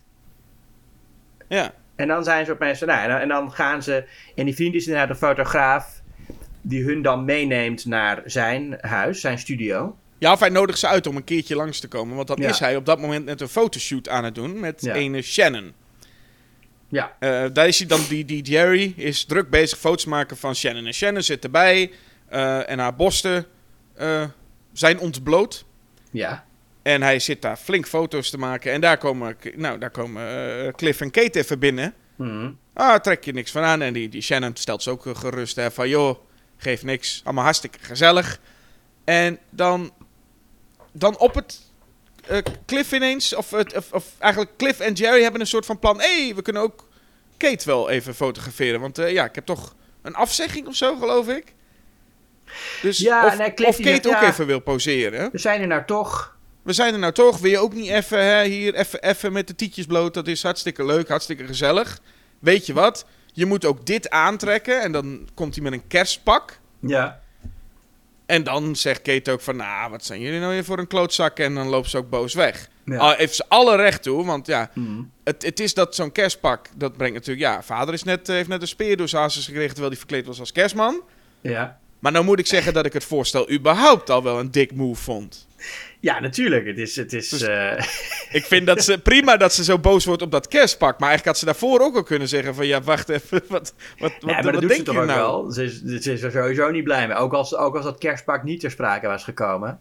Nou, je ziet, het is vooral na aanleiding van het kerstpak... is het echt dat het, ja. dat ze uit de plaat gaat. Dat je denkt, nou, daar had je al best eerder mee mogen weglopen... wat mij betreft, Kate. Ja, Maar oké, oké. Mijn zege had je al gehad. Maar goed, dan. Cliff blijft wel. Die denkt, ja, hallo, Shannon en die Tieten. daar Ik blijf even hoor, ik blijf even hier. Ja. En ehm, die lopen dan samen naar buiten. En dat is grappig, dan heeft zij al zo'n kerstpak aan. Even Ja. weer, of een kerstjas heeft ze dichtgeknoopt. En dan loopt ze naar buiten en dan is ze ineens, gaat ze heel verleidelijk... een beetje flirterig doen met, eh, met Cliff. Ja. En dan laat ze een van haar borsten zien. Denk, ja, daar heeft Cliff echt net al de hele tijd naar zitten kijken. Ik weet niet hoeveel, hoeveel dit nog werkt nu. Ja, dan staan ze daar te zoenen en dan, vind ik het, dan zien ze de politie. Ja, En dan zegt Cliff, they'll think we're a couple of gays. ja. Echt, hè? En dan, en dan zegt hij, dan gaan ze rennen. Ja, zegt hij, dat- run, run, they'll think we're gay. En dan moet hij ja weg. precies. Het is heel veel, dat, ja, sowieso raar dat er twee keer iets met, met de kerstman en ze denken dat ik homo ben. Maar ook dat, hij, dat dat zijn grootste zorg is op het moment dat hij, ja... eh, hij zou eerder, ze zou, die, die vrouw zou opgepakt kunnen worden omdat ze, omdat ze een beetje naakt over straat loopt. Maar verder is het toch niet illegaal om een vrouw te zoenen. Het is, het is een situatie die heel makkelijk opgelost kan worden. Jij staat daar met een dame, die laat een beetje Ja. een borst zien. Je ziet politie in de verte aankomen, ook echt. Ja. En dan zou je zeggen: hey Shannon, er komt politie aan, doe even dat jasje dicht. We gaan even naar binnen. Ze staan ook gewoon buiten. Ah, Nee, maar, is dat is ook zo. Maar ja. is gewoon dat, dat zeg maar, als, alleen dat was genoeg geweest, hè? Even jasje dicht, komt politie Ja. aan. Prima, Ja. had Shannon ook wel gedaan, ongetwijfeld. Maar Cliff is zo'n idioot. Die ziet daar, die, die ziet die agent in de verte aankomen. Die denkt, ja, wacht even, ik sta hier met een kerstman. Met, met, met blote borsten. Die, die politieagenten zullen wel denken dat we gay zijn. Hij rent echt paniekerig naar die deur. Die zit op slot. En dan zet hij het op het sprinten. Denk je, wat, wat ben je voor een idioot? Wat Hij is, denkt, wat ja, die politieagenten zullen denken: hé, hey, een kerstman. ja, dat is een man. Dus Ja. er, moet, er moet wel homo zijn. Nou. de- Maar ja, wat, wat nu dan? Ik bedoel, nu denken ze, hé, hey, die homoseksuele man rent ook nog eens weg. Ik weet niet wat, ik snap helemaal niet wat Cliff's plan hier nu helemaal is. Nou ja, hij is op de vlucht geslagen. Zij is nog buiten. Ja, Ehm, En dan ontmoet zij ja, de, de killer. de killer. Ja, Maar die eh, komt erachter dat zij geen kerstman is, geloof ik. ook daar gaat het jasje open en dan... eh, Ja, gaat- hij heel, heel langzaam met zijn mes dat hele lichaam langs. En zij staat daar eh, een beetje te, ja, wat doet ze? Te wachten. Ze staat Ja. ermee de, de, doodsbang te piepen. Maar ik bedoel, ze, zit, ze staat niet tegen een muur of zo. Ze zou gewoon een stap achteruit kunnen doen en dan is het al een stuk minder gevaarlijk. En jij denkt nu, als ik het zo hoor, dat hij op een gegeven moment zegt... Wacht even, borsten. ja, nee, dat is. Nou ja, dat, dat, dat denk ik niet echt. Maar dat, eh, ik, denk dat, nee, ik denk dat hij gewoon een beetje eh, wil pesten. Maar dat uiteindelijk zij toch niet tot zijn doelgroep van kerstmannen behoort. Nee, Ja. nee, nee, precies. Want hij laat gaan. Hij, hij laat haar gaan, dat is het vooral, hè? Hij laat haar gaan, ja. Ja. Ja. En dat vind ik dan wel toch ook wel het, het aparte aan deze film. Misschien ook wel het sympathieke. Dat heel vaak worden toch de promiscue vrouwen. Als je in elke andere slasher een, een naaktmodel zou zien. die zoiets. Die, weet je wel, die met een man gaat flirten. Die en, en dan zou je dan denken, nou, die is ten dode opgeschreven. Maar hier eh, eh, komt zij er goed vanaf. Het zijn, het zijn echt bijna alleen maar kerstmannen die hij eh, vermoordt. Ja, en dat is wel bijzonder inderdaad. Want je hebt dus te maken met een of andere sleazy slasher moordenaar. Die ziet een vrouw die gewoon al gewoon naakt op straat zo ongeveer staat. Mhm. En hij komt er naartoe en hij denkt... Wacht even, jij bent geen dronken man van middelbare leeftijd. Nou, laat maar. Ja. En hij is weer weg. Wat deze eh, eh, moord, kerstman-moordenaar doet bij kerstman nummer 5, geloof ik, die omgebracht gaat worden. Want die belt met een vrouw in een piepshow. Ja, en dat is ook zo'n zo'n typische. Dat vind ik heel mooi gespeeld, die man. Ja. Eh, dit, soms in dit soort films kom je opeens een heel mooie rol tegen. Eh, een beetje.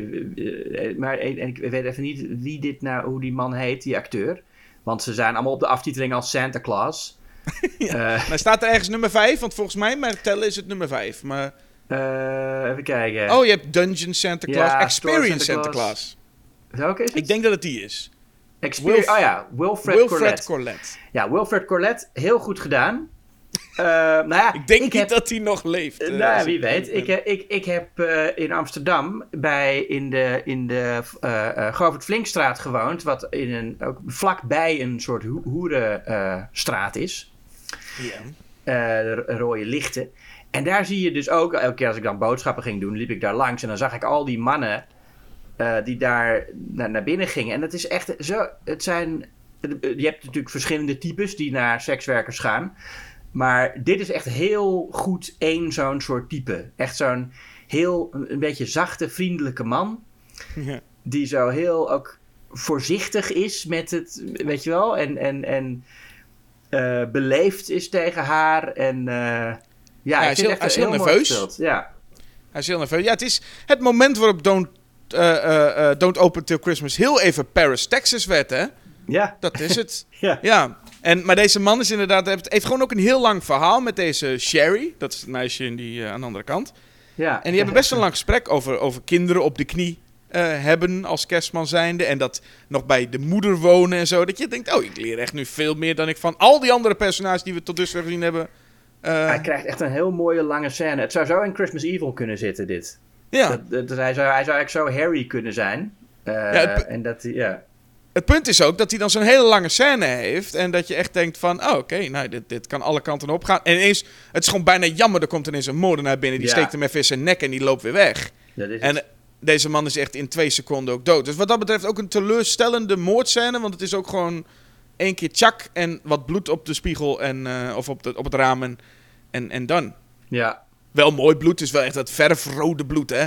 Dat ja, dus, wel. het- wat, wat, wat effecten betreft zit deze film wel goed hoor. Het is, wat ik al zei, elke moord is weer iets anders. Niet, Ja. niet gewoon iemand neersteken. Hij heeft echt wel best wel eh, creatieve dingen. ja. En leuke effecten. Niet de meest realistische, maar wel leuk. Hm. En, nou eh, ja, ja, er zit verschil in, maar we komen nog wel bij wat andere... ja. eh, maar Nou goed, ja. dit is inderdaad nog eentje. Maar dit, deze scène deed het hem vooral vanwege gewoon echt de kerstman. ja. Eh, en die hele scène daaromheen. En weet je wat ik Eh, er ook fijn aan vind? En dat heb je ook trouwens met, met het hele piepshow en zo. Dit is echt een stadsslasher. Die, dat is ook wel een subgenre waar ik van hou. Ja, Eh slashers in echt een stedelijke setting. Met een beetje die, die, die gritty sfeer. En, en ja, dingen als piepshows en smerige steegjes waar moordenaars in kunnen rondlopen. ja. En dan in Londen. Eh, waardoor het ook nog een, een, een, heel mooie eh, soort police... Of heel mooi. Waardoor het ook nog een, een eh, police procedural, pr- procedural is. Ja. Nou ja, volgens mijn notities zijn we nu bij het punt waar we over het politiewerk komen te spreken. Giles is dus opeens op het politiebureau. Die, die man die zegt dat hij een, een journalist is. Ja. Die is gewoon op het kantoor van Powell. Ja. Staat hij en dan komt Powell daar binnen en dan ziet, ziet hij die man gewoon in de laadjes kijken. En dan zegt hij van, hé, hey, wat doe je hier? En dan zegt eh, Giles, zegt, oh, ja, ze zeiden dat u hier zou zijn. Ik, ik, ik zocht een aansteker. en dan zegt, zegt die, Paul zegt, nou, oké, nou ja, dat heb ik hier niet. Eh, ga maar weer weg. En dan, ja, dan zegt hij nog wel van dat iemand hem eh, moet, moet... de- hij zegt er iets van, eh, moet je even, je moet, je moet op diegene moet je, moet je opletten. Dat zegt Ah. tegen een andere agent. Maar dat is toch wel raar. Dat je als politieagent ergens eh, binnenkomt en je ziet een, een, een vreemde man jouw kantoor doorzoeken. En dan, het, ik, excuses ook, zocht een aansteker. En, dan, en eh, dat, is, dat is dan Powell, maar Harris is ook niet de meest verstandige agent trouwens. Want die heeft een pakketje ontvangen waarop staat de titel van de film, Don't Open Till Christmas. Ja. En dan zegt, eh, zegt hij van, oh nou, nou, laat maar, laat maar wachten dan. Dan ben je dus je bent bezig met een aantal ja, kerstgerelateerd, met een aan kerst gerelateerde moordzaak. En je Ja. vindt een pakketje dood open door Crawford en je zegt, nou ja, oké, prima. Ja, nee, ja, nee, deze man neemt het bloed serieus. Zo leuk, hij zit inderdaad nog net niet in zichzelf te denken van... hmm, wie zou toch die kerstmoordenaar kunnen zijn? en dan komt inderdaad de, de, de butler of eh, de huishoudster aan met... Ik heb hier een heel vreemd pakketje. Ja, zet maar even in de gang. Even nu niet. Ik ben nu aan het nadenken wie die moordenaar zou kunnen zijn. Ik ben nu bij Kerstman 6, die... eh, eh, ook weer zo'n dronken man. Die wordt achterna gezeten door punkers. Ja, En ik moet ook zeggen, die kerstmannen, die zijn dan allemaal wel dronken en zo. Maar het zijn ook echt, die, die pakken zijn ook... En vooral die baden, dat is echt Ja. verschrikkelijk. Dat is gewoon een stuk eh, wit, wit, wit papier uitgeknipt en op je snuffert geplakt, hè? ja, ja, ja. Ik bedoel, je mag wat vinden van Harry's baard. Maar als je ergens ongemakkelijk van wordt, is het gewoon dat er zo'n... Gewoon, gewoon zo'n stuk papier op je, op je op muffen zit. En dat is dan, en dat is dan eh, een baard. ja. hey, en deze eh, eh, kerstman wordt achterna gezeten door punkers. Mhm. En Ja. die man die denkt, wat, wat, wat, wat krijg ik nou? En die punkers, die jatten dan vervolgens zijn fiets. Ja, heerlijke punkers. Als ze Ja. kerstman zien... Ja, Dan denken ze, hop. ja, dat, dat, dat denken punkers. Die denken, hé, hey, zie je die kerstman? Dan gaan we ze- zijn fiets jatten. En dat, Ja. dat doen ze. En daar had ik ook niet verwacht, zeg maar. Ik denk, je hebt een, een- moordenaar, je hebt ineens een groep punkers die jatten zijn fiets. En deze man gaat dan een soort spookhuis in. Ja. En dit is ook, dat duurt lang, jongen. Die man die loopt voor mijn gevoel een half uur in dat fucking spookhuis. Ja, En, ja en hij je loopt niet daar, weet wat het is. Hij loopt is- daar rond. Ja, Hij schrikt van alles. ja. En hij, en hij Ja. blijft dus nog met, met zijn met zijn baard om en zijn muts op, hè? Dat Ja, is, sowieso, eh, ja. En hij en, zit eh, elke keer, elke hoek die hij omloopt, is hij weer helemaal verbijsterd van, oh, wat is dit? Oh, dit is ook iets engs. Ja, Misschien op een gegeven moment dat het kwartje zou moeten vallen, maar je staat in een spookhuis gek. Maar echt, en lang jongen, hij loopt daar Het echt. Hij heeft door, dat hele spookhuis gezien, ja. Ja, het, En- het is, het is de, de eh, London Dungeon is het. Wat wel een, ja, zo'n, zo'n, volgens mij gewoon een toeristenval is. Een, een tourist trap. Nou, Eh, maar best wel bekend. En ja, daar, daar mochten ze dan filmen. Dus, de, dus, dus nou, dan nemen we het er ook van, weet je wel. We ja, ik wil zeggen, wij hoeven er nou niet meer naartoe, want we hebben alles al gezien. Ja, we doen een London Dungeon. We gaan gewoon die hele dungeon doorlopen. Ja. En, eh, En ook de enige regieaanwijzing aan die kerstman is van... Oh, schrik er maar van. Schrik Ja. er maar van. Ja, schrik daar ook maar van. Weet je, wat moet je nu doen? Schrik anders maar even. Ja. En, En, dit is punt... dan het enige andere vrouwelijke slachtoffer dat valt. Hè? Want er is ook iemand die dan... Die werkt in de London Dungeon. Een vrouw. Ja? Die, wordt, die ziet die kerstman aankomen, maar die wordt omvergeduwd. En die wordt later ook vermoord door eh, de moordenaar. En dan, en dan wordt zij tussen de andere eh, poppen gehangen die daar dan hangen. En dan Ah. valt het niet op dat zij eh, eh, daar hangt. Ja, Nou ja, de gekkigheid. gekkigheid, ja. Dan zie je dus dan heel lang in die dungeon allemaal attributen en Hmm. allemaal manieren. Echt, ik heb een een en al creatieve manieren gevonden om deze kerstman te kunnen vermoorden. Ja. En dan helemaal aan het eind van de rit wordt hij heel erg saai gewoon neergestoken. Ja, ja dat is En jammer. dat is dan echt jammer. En echt een gemiste kans. Maar goed, waarschijnlijk zeiden ze toen van de London Dungeon... Hé, hey, je hebt nou genoeg gedaan, eh, eruit. Zeggen ze, kut, we hebben de moordscène nog niet gedaan. We hebben hem alleen maar rond laten lopen. Maar ja, ehm, dus dat was dan wel saai. Eh, dat wordt gecompenseerd met de volgende twee kerstmannen. Nummer 7 en 8 als het goed is. Mhm. Dat gaat ietsje sneller, want die komen bij een kermis. En eentje Oh, die ja. wordt ineens eh, met een soort neergestoken met een mes uit de schoen. Zo'n James Bond. Ja, Zo'n ja. James Bond eh, gadget ding. Ja. En Ja, inderdaad en nog... dat zijn, dat zijn nog eens undercover agenten, hè? Die Is ook zo, zij- ja. Ja, zij zijn daar in, in de hoop de moordenaar te lokken. Nou, het is gelukt. Dan zijn er twee afzonderlijke slachtoffers die gesproken zijn. Dus die Sherry, dat is van de Piepshow, hè, die, die we zagen. En Shannon is die vrouw die dus met dat scheermesje die dus overleefd heeft. Ja, ja, En die hebben het allebei, hebben ze het over de lachende ogen. ja. Dus dat is wel, ik bedoel, het staat niet voor niks op de plotomschrijving. Het heeft wel daadwerkelijk iets te betekenen. Het, het, blijkbaar heeft deze man lachende ogen. ja. En die Sherry, die, eh, die, eh, dat meisje van de piepshow, zegt ook... Ja, ik zou hem zo weer herkennen als hij eh, weer zou lachen. Als ik hem Ja. zou zien en ik, hij zou weer lachen. En nou, waar Rempel wat gebeurt er? Niet veel later zit er tegenover haar ineens een man in de piepshow. En zij herkent hem meteen, ook al lacht hij helemaal niet. Nee. Zij weet meteen, dit is de moordenaar. En ze rent er vandoor, ze gaat naar buiten. En ook al zijn er heel veel collega's in het pand, zij besluit om naar buiten te gaan lopen. Hmm. En een hele tijd gewoon op straat te gaan rennen. Ja, Overdag. Het is een hele gekke keuze. ja, het ja. is heel raar. Ja, ja, ja. Ze weet ook niet waar, waar ga je naartoe. Nee, ja. En op, het, is, inderdaad, het is best wel, je zou zeggen, Londen, eh, best een drukke stad. Ja. Ga ergens naartoe waar mensen zijn, maar zij blijft maar rennen. En op een gegeven moment wordt zij uit het niets, eh, verschijnt er weer, het is heel raar gemonteerd, dat gewoon, die man gewoon van buiten beeld opeens er is. En haar opeens ergens naartoe meesleept. ja. En dan zijn ze ook op, opeens bij, ja, blijkbaar een kelder waar die man toegang tot he- toe heeft. Ja, toevallig dat ze daar ook even stil ging staan natuurlijk. Ja, Maar, dat is, en dan grijpt en sleurt hij die kelder in. Nou, maar zij wordt eh, niet eh, eh, vermoord nog. Zij wordt vastgebonden. er is nog een negende kerstman. ook dronken trouwens, hè? Wat Ja, het is leuk dat al, al die slachtoffers worden gewoon echt geïntroduceerd vlak voordat ze doodgaan. Hè? Bij heel veel slachtoffers heb je gewoon een, een hoop personages die één voor één. Maar hier is het... ja, echt... iedereen wordt geïntroduceerd in hun setpiece waarin ze afgeslacht worden.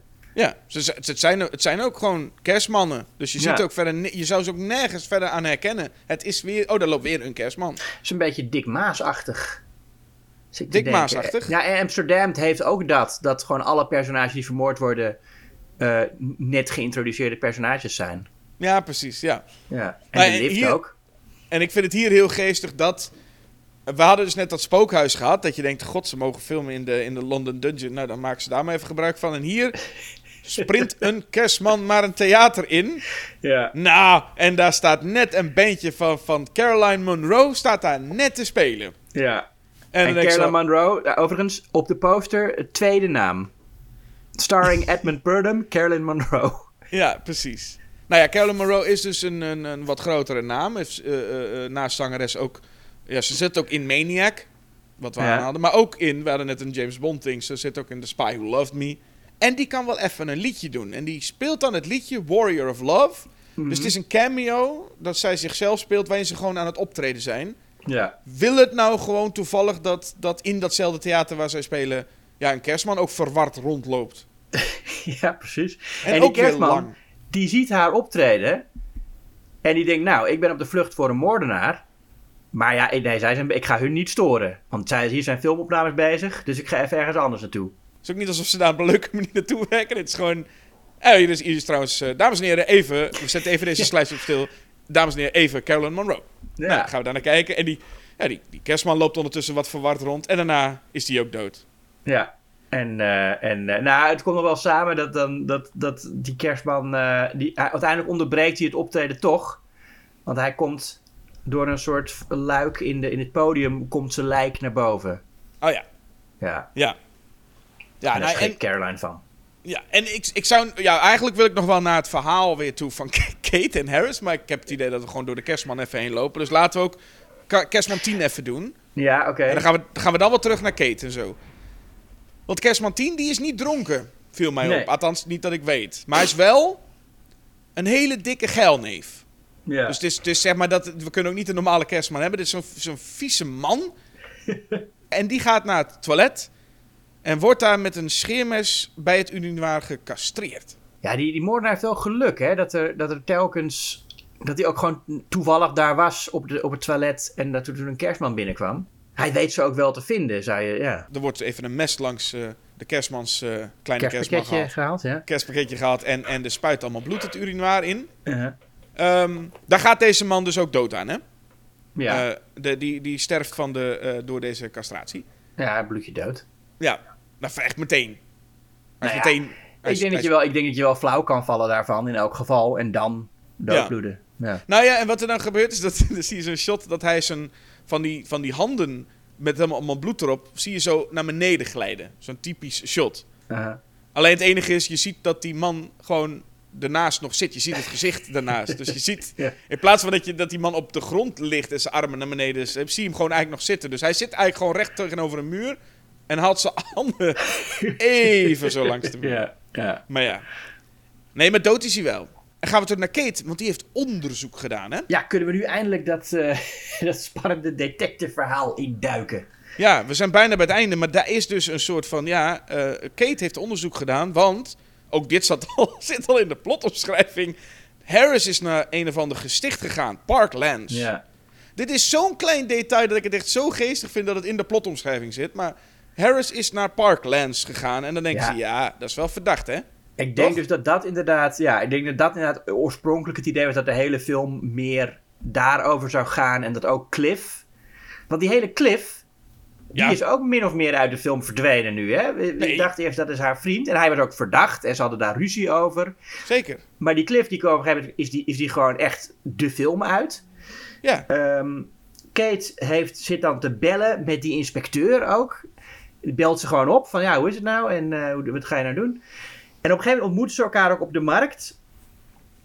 En hebben ze een dialoog. En volgens mij waren, eh, waren de acteurs niet allebei aanwezig tijdens die scène.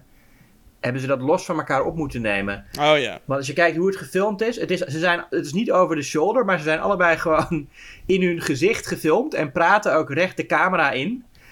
En het voelt heel erg alsof dat is van, het was toch, nou ja, wat, wat ook bevestigd wordt door het feit dat er inderdaad heel veel productieproblemen waren. Dat de film eh, van december 1982 tot 1984 is opgenomen. En dat er allerlei, dat denk ik ook dat dat, dat heel goed zou kunnen, dat eh, ehm, door planningsproblemen eh, dat zo gedaan is. Want er is ook een groot probleem rondom dat onderzoek dus van Kate. Ja. Ehm, want zij gaat dus naar dat Parklands, dat gesticht. Ja. En dat is dus een belangrijk element, want ze gaat daar even met een dokter praten. En daar komt toch belangrijke informatie uit. Ze zit dan ook in een soort wachtkamer Mm. eh, bij dat gesticht. Dan is het van, nou, u mag, eh, Kate, u mag bij de dokter komen. En dat was het. Dus die hele scène met de dokter, die is nooit... eh, of, of hij is nooit opgenomen, of hij is kwijtgeraakt en, en weggegooid. Ja. Maar er is dus gewoon, er ontbreekt gewoon een belangrijke scène waarbij die Kate ook daadwerkelijk bij die dokter komt en informatie krijgt. Ja. Wat er met Cliff is gebeurd, dat blijft volgens mij de grootste cliffhanger nog. Want Ja. dat weten we allemaal echt niet. Maar de, de, de moordenaar blijkt Giles. En Giles is de broer van Harris. En Harris bleek eigenlijk Harrison te heten. Ja. En ik hoorde dat en dacht: Oh. Ja. ja, oké. Bedankt. En wat ik dan nog wel interessant vond, althans, het, het is zo dat die Giles steekt Kate neer en die gaat dood. En toen dacht ik, Ja. nou, onze, ik dat, dat, dat niet zien aankomen. Ik dacht, daar hebben we toch onze final girl. Maar dat Nee, is dus helemaal niet. Alleen Kate kende de moordenaar, ja, maar toen ging ze dood. Ja, Maar toen ging dat, ze dat, dood. Dat, dat verraste, verbaasde mij ook echt. Ja, eh, dat Kate eh, eh, eraan gaat. Ja. En dan lijkt het dat we een, een nieuwe final girl hebben, namelijk Sherry. ja dat meisje, Eh. want, want, want Shannon is ook weg, toch? Ja, Ja, Sharon hebben we na die scène niet meer... ge- Nou, die wordt nog even geïnterviewd door de politie, ondervraagd. En, de- en, en dan zien we haar niet meer. Oh ja, Paul wordt trouwens ook al, die wordt geëlectrocuteerd, geloof ik. Dus Ja. die is ook weg. Ja. En, en Harris is volgens mij met de fut gegaan intussen. Ik weet het niet. Tussen Nee, Harris opnemen. is van de zaak eh, afgehaald. Oh ja, nee, die is geschorst, dus die zit, Ja. die zit inmiddels lekker thuis. Ja. Te wachten tot het kerst wordt, zodat hij eigenlijk dat kutpakket op kan doen. Ja, die is wat benieuwd natuurlijk. Maar ja, moet Ja. wel wachten, het is nog geen kerst. Nou, en dan is dus, dus, dus Paul is al dood. En dan krijg je dus dat moordenaar en Sherry zit. En Sherry zegt, ja, ik heb eigenlijk wel... eh, ik, ik wil wat eten, geloof ik, toch? Zegt ze. Ja. En dan zegt, zegt eh, de moordenaar, de Giles... Nou, is goed, maar dan moet je niet eh, proberen te ontsnappen, hè? En ik vind het mooiste shot in de film... is die close-up van de vingers van Sherry... die dan even zo de vingers kruist. ja. ja ik, ik zal niet ontsnappen. Beloofd. Beloofd. En En, dan zie je zo even dat ze de vingers kruist. Want dat moet je wel doen. Want als ze de, anders dan was het... ja, dat was Anders niet was, de cinema zin geweest. ja, Als, ze- als het toch ontsnapt was. Hé, hey, wat Hey, is dit? Zei dat beloofd. Maar nu is het goed dat ze echt even, echt even een close-up hebben van... Ja, maar dit meent ze niet echt, hè? Nee, Met kerst mag je niet liegen. nee. Nou, zij, eh, zij heeft een geweldig plan. Want zodra ze ook vrij is, rent ze naar de deur, maar die zit op slot. Nou, ze is eerst, ze slaat hem neer en dan probeert ze weg te komen. Als je de deur slot, maar dan vraagt ze aan hem waar zijn de sleutels. Ja. Dat vind ik ook wel leuk. Maar dan weet ze dus te ontsnappen. En dan lopen ze Ja. met z'n tweeën in een soort van grote trappenhal. Ja, En zij keep het Giles van de trap af. ja, En eenmaal beneden kijkt ze bij het, het lichaam dan. ja.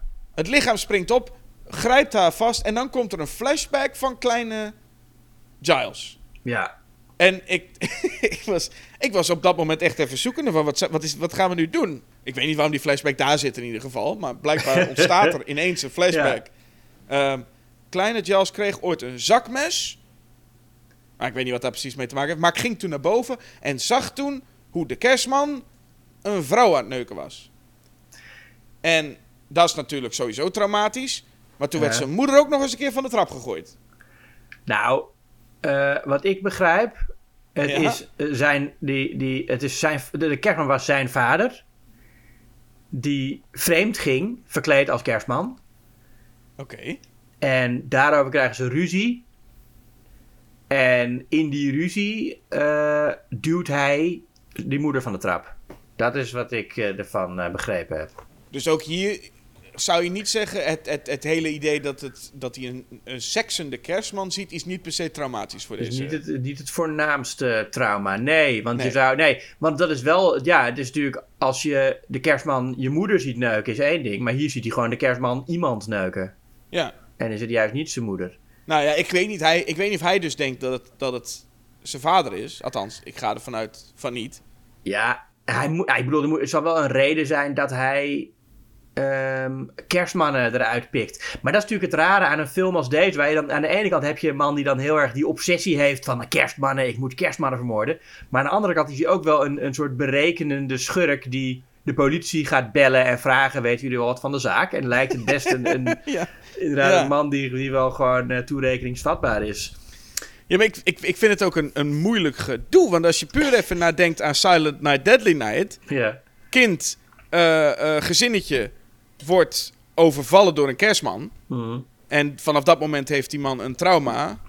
En Ja. ik bedoel, zo simpel kan het zijn, zeg maar. En hij gaat kerstmannen vanaf dat moment. Hij vertrouwt kerstmannen niet meer, hij gaat kerstmannen vermoorden. Maar hier het idee, hij krijgt een zakmes.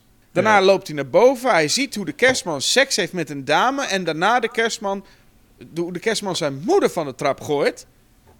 Ik vind het zo'n ingewikkeld iets. Waarop hij daarna dan denkt, ja, dan ga ik nu als ik eh, wat ouder ben... eh, maar doen alsof ik een journalist ben. Ondertussen ga ik lekker dronken kerstmannen vermoorden.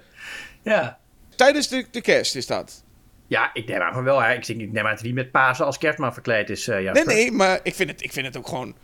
Ook wel een stukje lef hebben om tijdens kerst te zeggen... ik ben de kerstman, ho ho ho. En om dan gewoon boven echt met iemand dan te gaan... terwijl beneden vrouwen Ja, en kinderen die bijna... in, je, in, eigen huis. In je eigen huis, je ik vrouw vind het- beneden zitten, ja. Ik bedoel, dan snap ik die mensen in het begin nog iets beter... met dat ze in de auto even gauw op de achterbank gaan... met dit ja, zo in je eigen huis denken. je nou, dat, ja. Het grappige is ook, die flashback is geweest... en dan denk je, nou, dan komt er nu nog wel iets... maar dan is dat hele Giles en Sherry en zo ook allemaal geweest, hè? Ja, Er is nooit meer wat van te zien. Ja, nee, Giles en Sherry, dat, is zo, dat, vind ik, dat, en dat vind ik best wel erg. Dat je hebt dus, nou ja, ik, ik vond Sherry een leuke Final Girl. Ik vond het ook origineel, een, een meisje uit de piepshow als Final Girl. Ja. Maar we weten niet hoe het met haar afloopt. We weten niet hoe het met Giles afloopt. Nee, We- Cliff we hebben ook niet. gezien hoe Cliff inderdaad ontdekt dat Kate dood is. Want Cliff zien we hierna niet meer. Nee, nee Shannon is, eh, is, eh, is, is weg. Ja, iedereen is weg, behalve Harris. Ja, nou ja, dat is, dan, dat is dan het enige sprankje hoop wat we nog hebben. Dat je denkt, kan deze film iets goed afronden? Hmm. En dan is het antwoord, jawel. dat ik dan wel weer fijn. Ik denk zelf bij mezelf, nou dit is echt verloren zaak. Niks wordt op een fatsoenlijke manier afgerond. Het stopt maar zo ineens. Ja. Maar gelukkig, we hebben ook, net als bij Christmas Evil, een einde om in te lijsten wat mij betreft. Ja. Eh, Harris opent eindelijk zijn cadeautje. ja. Het mag. En dat is dan een muziekdoosje. Van je broer staat erbij. Van je broer. Dan denk je, nou, wat leuk. Muziekdoosje. Ik zet hem hier neer. Dat is een leuk muziekdoosje. Ik ga op mijn stoel zitten. Ah, wat lekker. Wat een fijne dag. en vervolgens ontploft het muziekdoosje. En Harris, die, die, die, die vliegt weg. ja, die vliegt weg. Einde Ja. film. Ik vond het Ja. zo leuk. Ik dacht echt, dit, ik, wou, ik wou dat er meer van dit soort eindes waren. gewoon, gewoon ineens iets waarvan... Oh, ik heb trouwens dit helemaal nog niet opengemaakt. Boom! ja. Ja, deze film en het bombardement hebben zo'n eh, zo'n slot met... eh, Ja.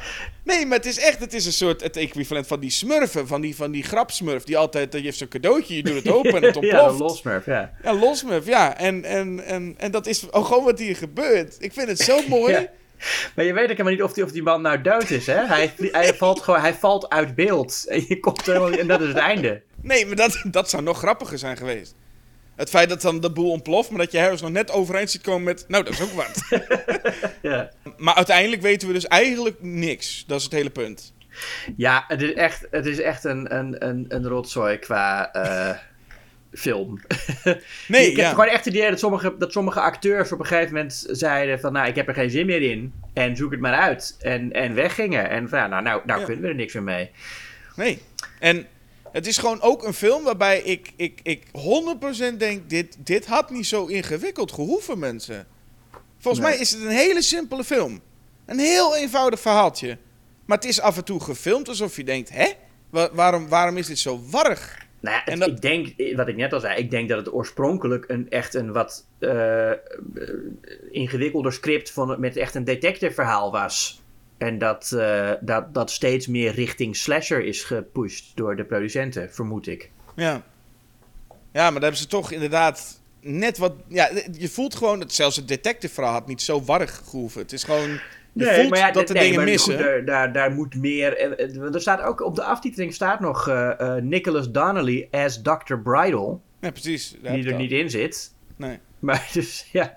Maar goed, even heel eerlijk. Ik denk niet dat die zijn heel veel... Ik denk dat dat gewoon een dokter was. Die zei... Oh, Harris, je bedoelt Harrison. Ja, had nee, trouwens ook tuurlijk, een, maar- eh, Ja, maar het is wel duidelijk dat dat, dat, dat als aspect eh, meer aandacht had, eh, had moeten krijgen eigenlijk. Maar ik moet zeggen, ik ben niet ontevreden dat dat niet het geval is. Want ik vind het een hartstikke leuke film. En juist omdat het zo'n rotzooi is...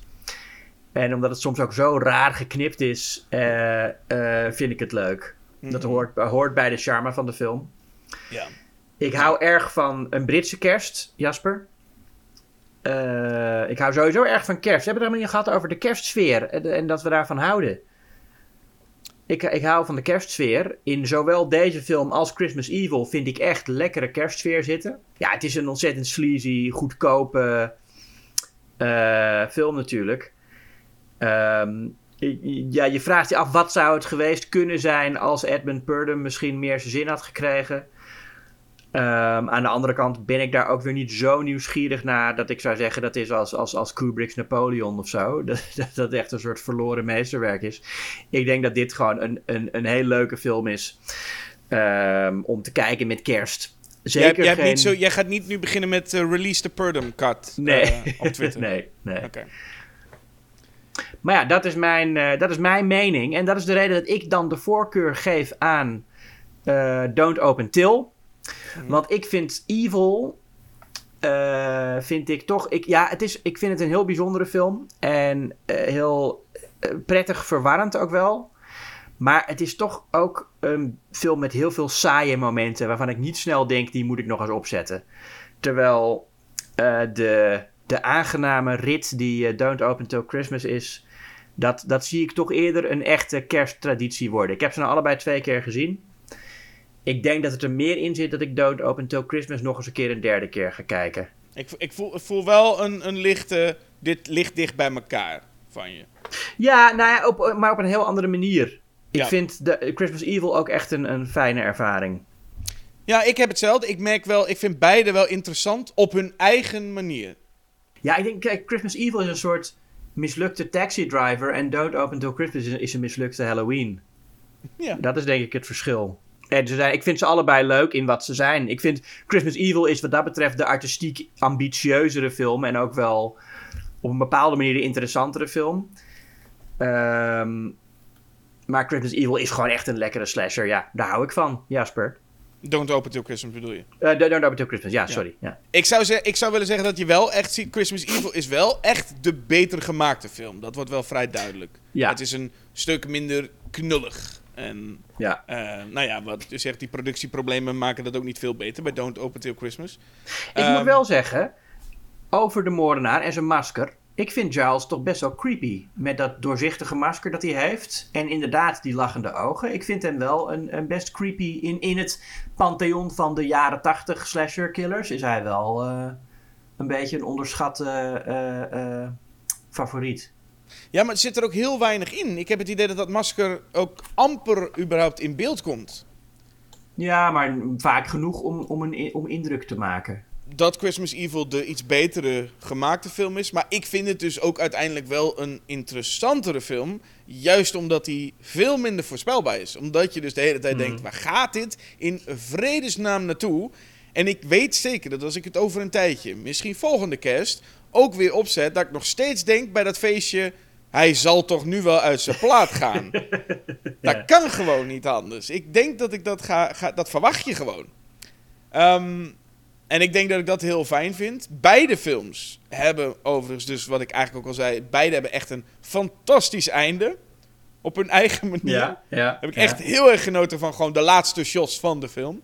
Ehm, maar nee, ik vind, je zegt inderdaad van de, de een is wat saaier dan de ander. Dus Christmas Evil is wat saaier. Ik zou willen zeggen dat Don't Open Till Christmas, ondanks de snelheid, juist door die snelheid van heel veel kerstmannen gaan eraan, vallen die scènes waarin een kerstman urenlang in zo'n dungeon rondloopt of in zo'n theater, vallen mij extra veel op. Omdat je denkt, ja, hier zou ik, als ik de film nog een keer zou zien, wel echt even vooruit willen spoelen hoor.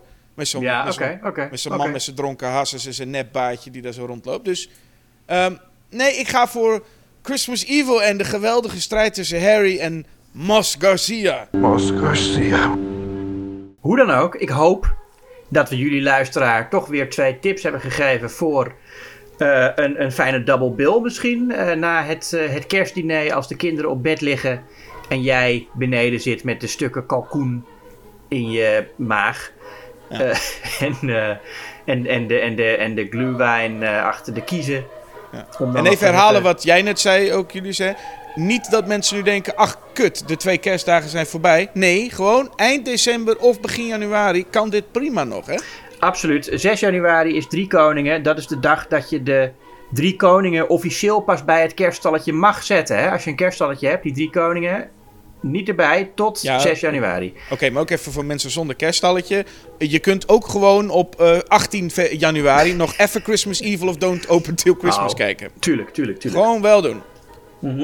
Dus, eh, Zeker eh, doen. En zeg dan welke je het leukste vond. En stuur dat op een briefkaart naar ons. En geef het ja, aan, aan de kerstman meegeven natuurlijk. Dan komt het sowieso aan. Nee, precies. En eh, wat moeten ze verder nog allemaal doen, eh, jullie dan? Je moet je abonneren op het tijdschrift Schokkend Nieuws, Jasper. Heel goed dat je het vraagt. Ja. Eh, je moet naar de website schokkendnieuws.nl gaan. Je moet je natuurlijk abonneren op deze podcast, als je dat nog niet gedaan hebt tenminste. Je moet ehm, liken en subscriben en sterren achterlaten en reviews, eh, reviews ook vooral. Ja, dat is Ja. goed voor de podcast geloof ik. Ja. Als we, als we veel gerecenseerd worden. Dus waar het maar kan, laat wat achter. Abonneer je. Doe alles wat ik zeg. En, eh, en, en dan, alleen dan, krijg je iets lekkers in je kous. In je kerstkous. Precies. Nou, en om daar meteen even op aan te haken, hè. Eh, je kunt dus een recensie achterlaten, moet ik zeker doen, of een briefkaart. Maar als je een recensie achterlaat, kun je ook aangeven... hey, zou het niet leuk zijn als je dit of dit een keer doet? Ja. Eh, zo hebben we onlangs nog een mail gekregen van Willem Lammerink. Ook dank daarvoor. Die gaf ook een leuke optie. En we zetten het op de lijst. Eh, en er wordt door een hele redactie allemaal bekeken en zo. En dan wordt er wel gekeken, wat, wat, hè, wat, wat gaan we de volgende keer doen? We beloven niks dat we iets doen en ook zeker niet op welk termijn. Maar het komt Maar? wel eens voor dat we echt gewoon luisteren naar mensen en daar iets van overnemen. Koen Koning bijvoorbeeld zei nog een tijdje geleden van... hey, ik zou het leuk vinden als er ook een keer wat andere genres worden besproken dan horror. En de volgende recensie die wij toen kregen was van niemand minder dan Sparlock the Warrior Wizard. Ja. En die gaf een paar opties waarvan wij er voor de volgende keer eentjes gaan doen. Zo. Dat is leuk, hè? En dat is namelijk iets waarvan we dachten: God, dat hebben we nog nooit eerder gedaan. Eh, We hebben een nieuw jaar straks, 2024. Laten we eens iets nieuws gaan doen. We gaan eens in de rampenfilm. Ja, dat is echt een, een lacune in mijn filmkennis. De klassieke rampenfilms van de jaren 70. Eh, Ja. Ik weet er heel weinig van. Ik, ik weet de reputatie van het genre, maar ik heb er heel weinig van gezien. Dus ik ben heel erg benieuwd en heb heel veel zin om te gaan kijken naar The Towering Inferno. En- The Poseidon Adventure. ja, Ik vind het ook wel leuk als ik nu ook aangeef van ik heb daar ook eigenlijk helemaal geen verstand van. Dan zitten er Ja. nu mensen die denken, oh ik ben heel benieuwd om een podcast te luisteren. Van twee mensen die er geen verstand van hebben. nee, maar dat is leuk. Dan hoor je onze introductie in het, eh, in het, eh, in het ding. Ja. Ja, want dat- bij horror daar weten we waar het over hebben. Maar straks zitten we te kijken en dan zeggen we, hè, maar er gingen allemaal dingen mis en rampen. Nou, En ja, ik, ik zat altijd te wachten wanneer komt Jason nou een keer, maar... weinig bloed, twee sterren. Dat gaan we, zo, Ja. zo gaan we het bespreken. Dus dat is voor de volgende keer.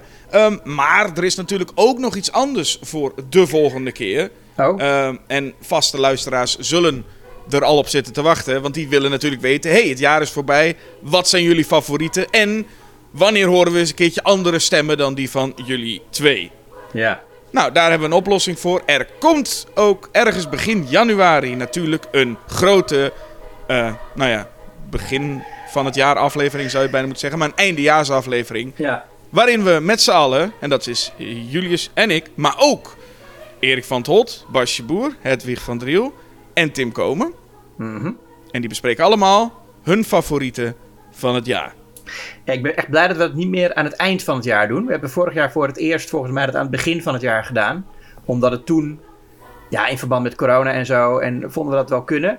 Ja. Maar ik vind het wel fijn dat we nu gewoon denken van ja, maar waar- waarom, waarom doen we dat eigenlijk niet gewoon sowieso? Hè? Dat we gewoon een keer eh, begin januari lekker de tijd hebben. Dat je niet zo gestrest al die films nog zit te kijken aan het eind van het jaar. Je toch wel Nee, beter te en- doen. En dan heb je vaak, hè, dat had je toen altijd met Star Wars films, kon je nooit meetellen. Want ja, die, dan Ja. was, al, was de boel al opgenomen en toen kwam er nog een Star Wars film uit.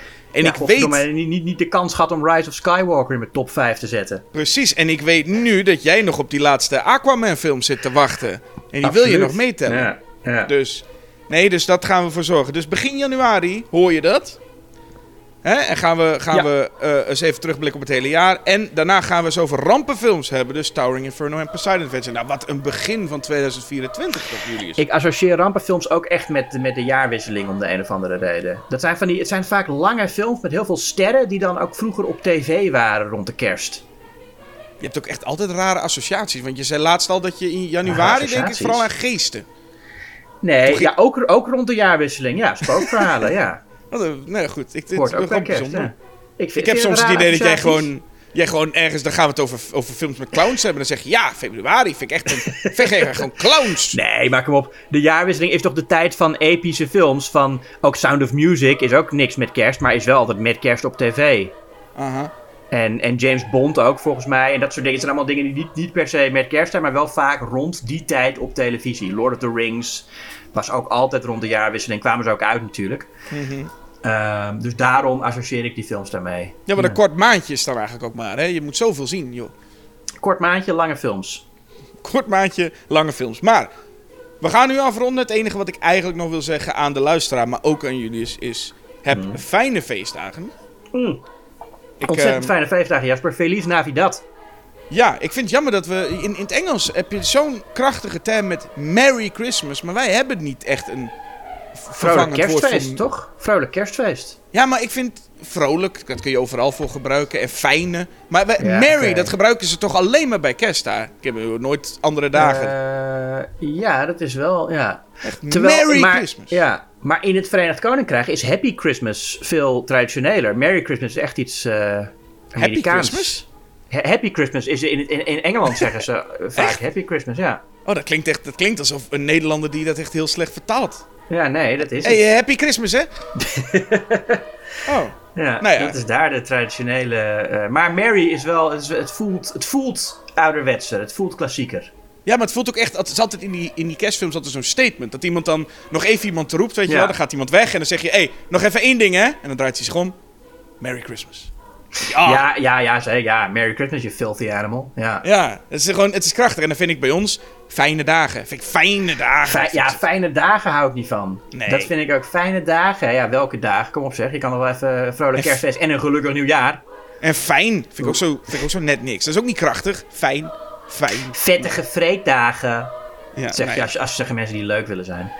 nee, dus daarom zou ik willen zeggen... eh, ik, ik bedoel... Prettige feestdagen. Ja, prettig. Prettig. vind ik ook niks prettig. Nee, prettig weekend, dat zeg je. Ja, precies. Maar nee, nee het, is, het moet een apart woord komen. Nou ja, maar dat hebben we nu nog niet. Mijn oom zegt altijd zalige kerst. Dat is volgens mij heel eh, eh, katholiek. Om, te- om te zeggen zalige kerst. Oeh, maar zalig, vind ik al wel... ook, ja. zalig vind ik al wel wat. ja. Zalige kerst. Nou. Jasper? Dan zou ik zeggen, Julius en de luisteraar, zalige kerst.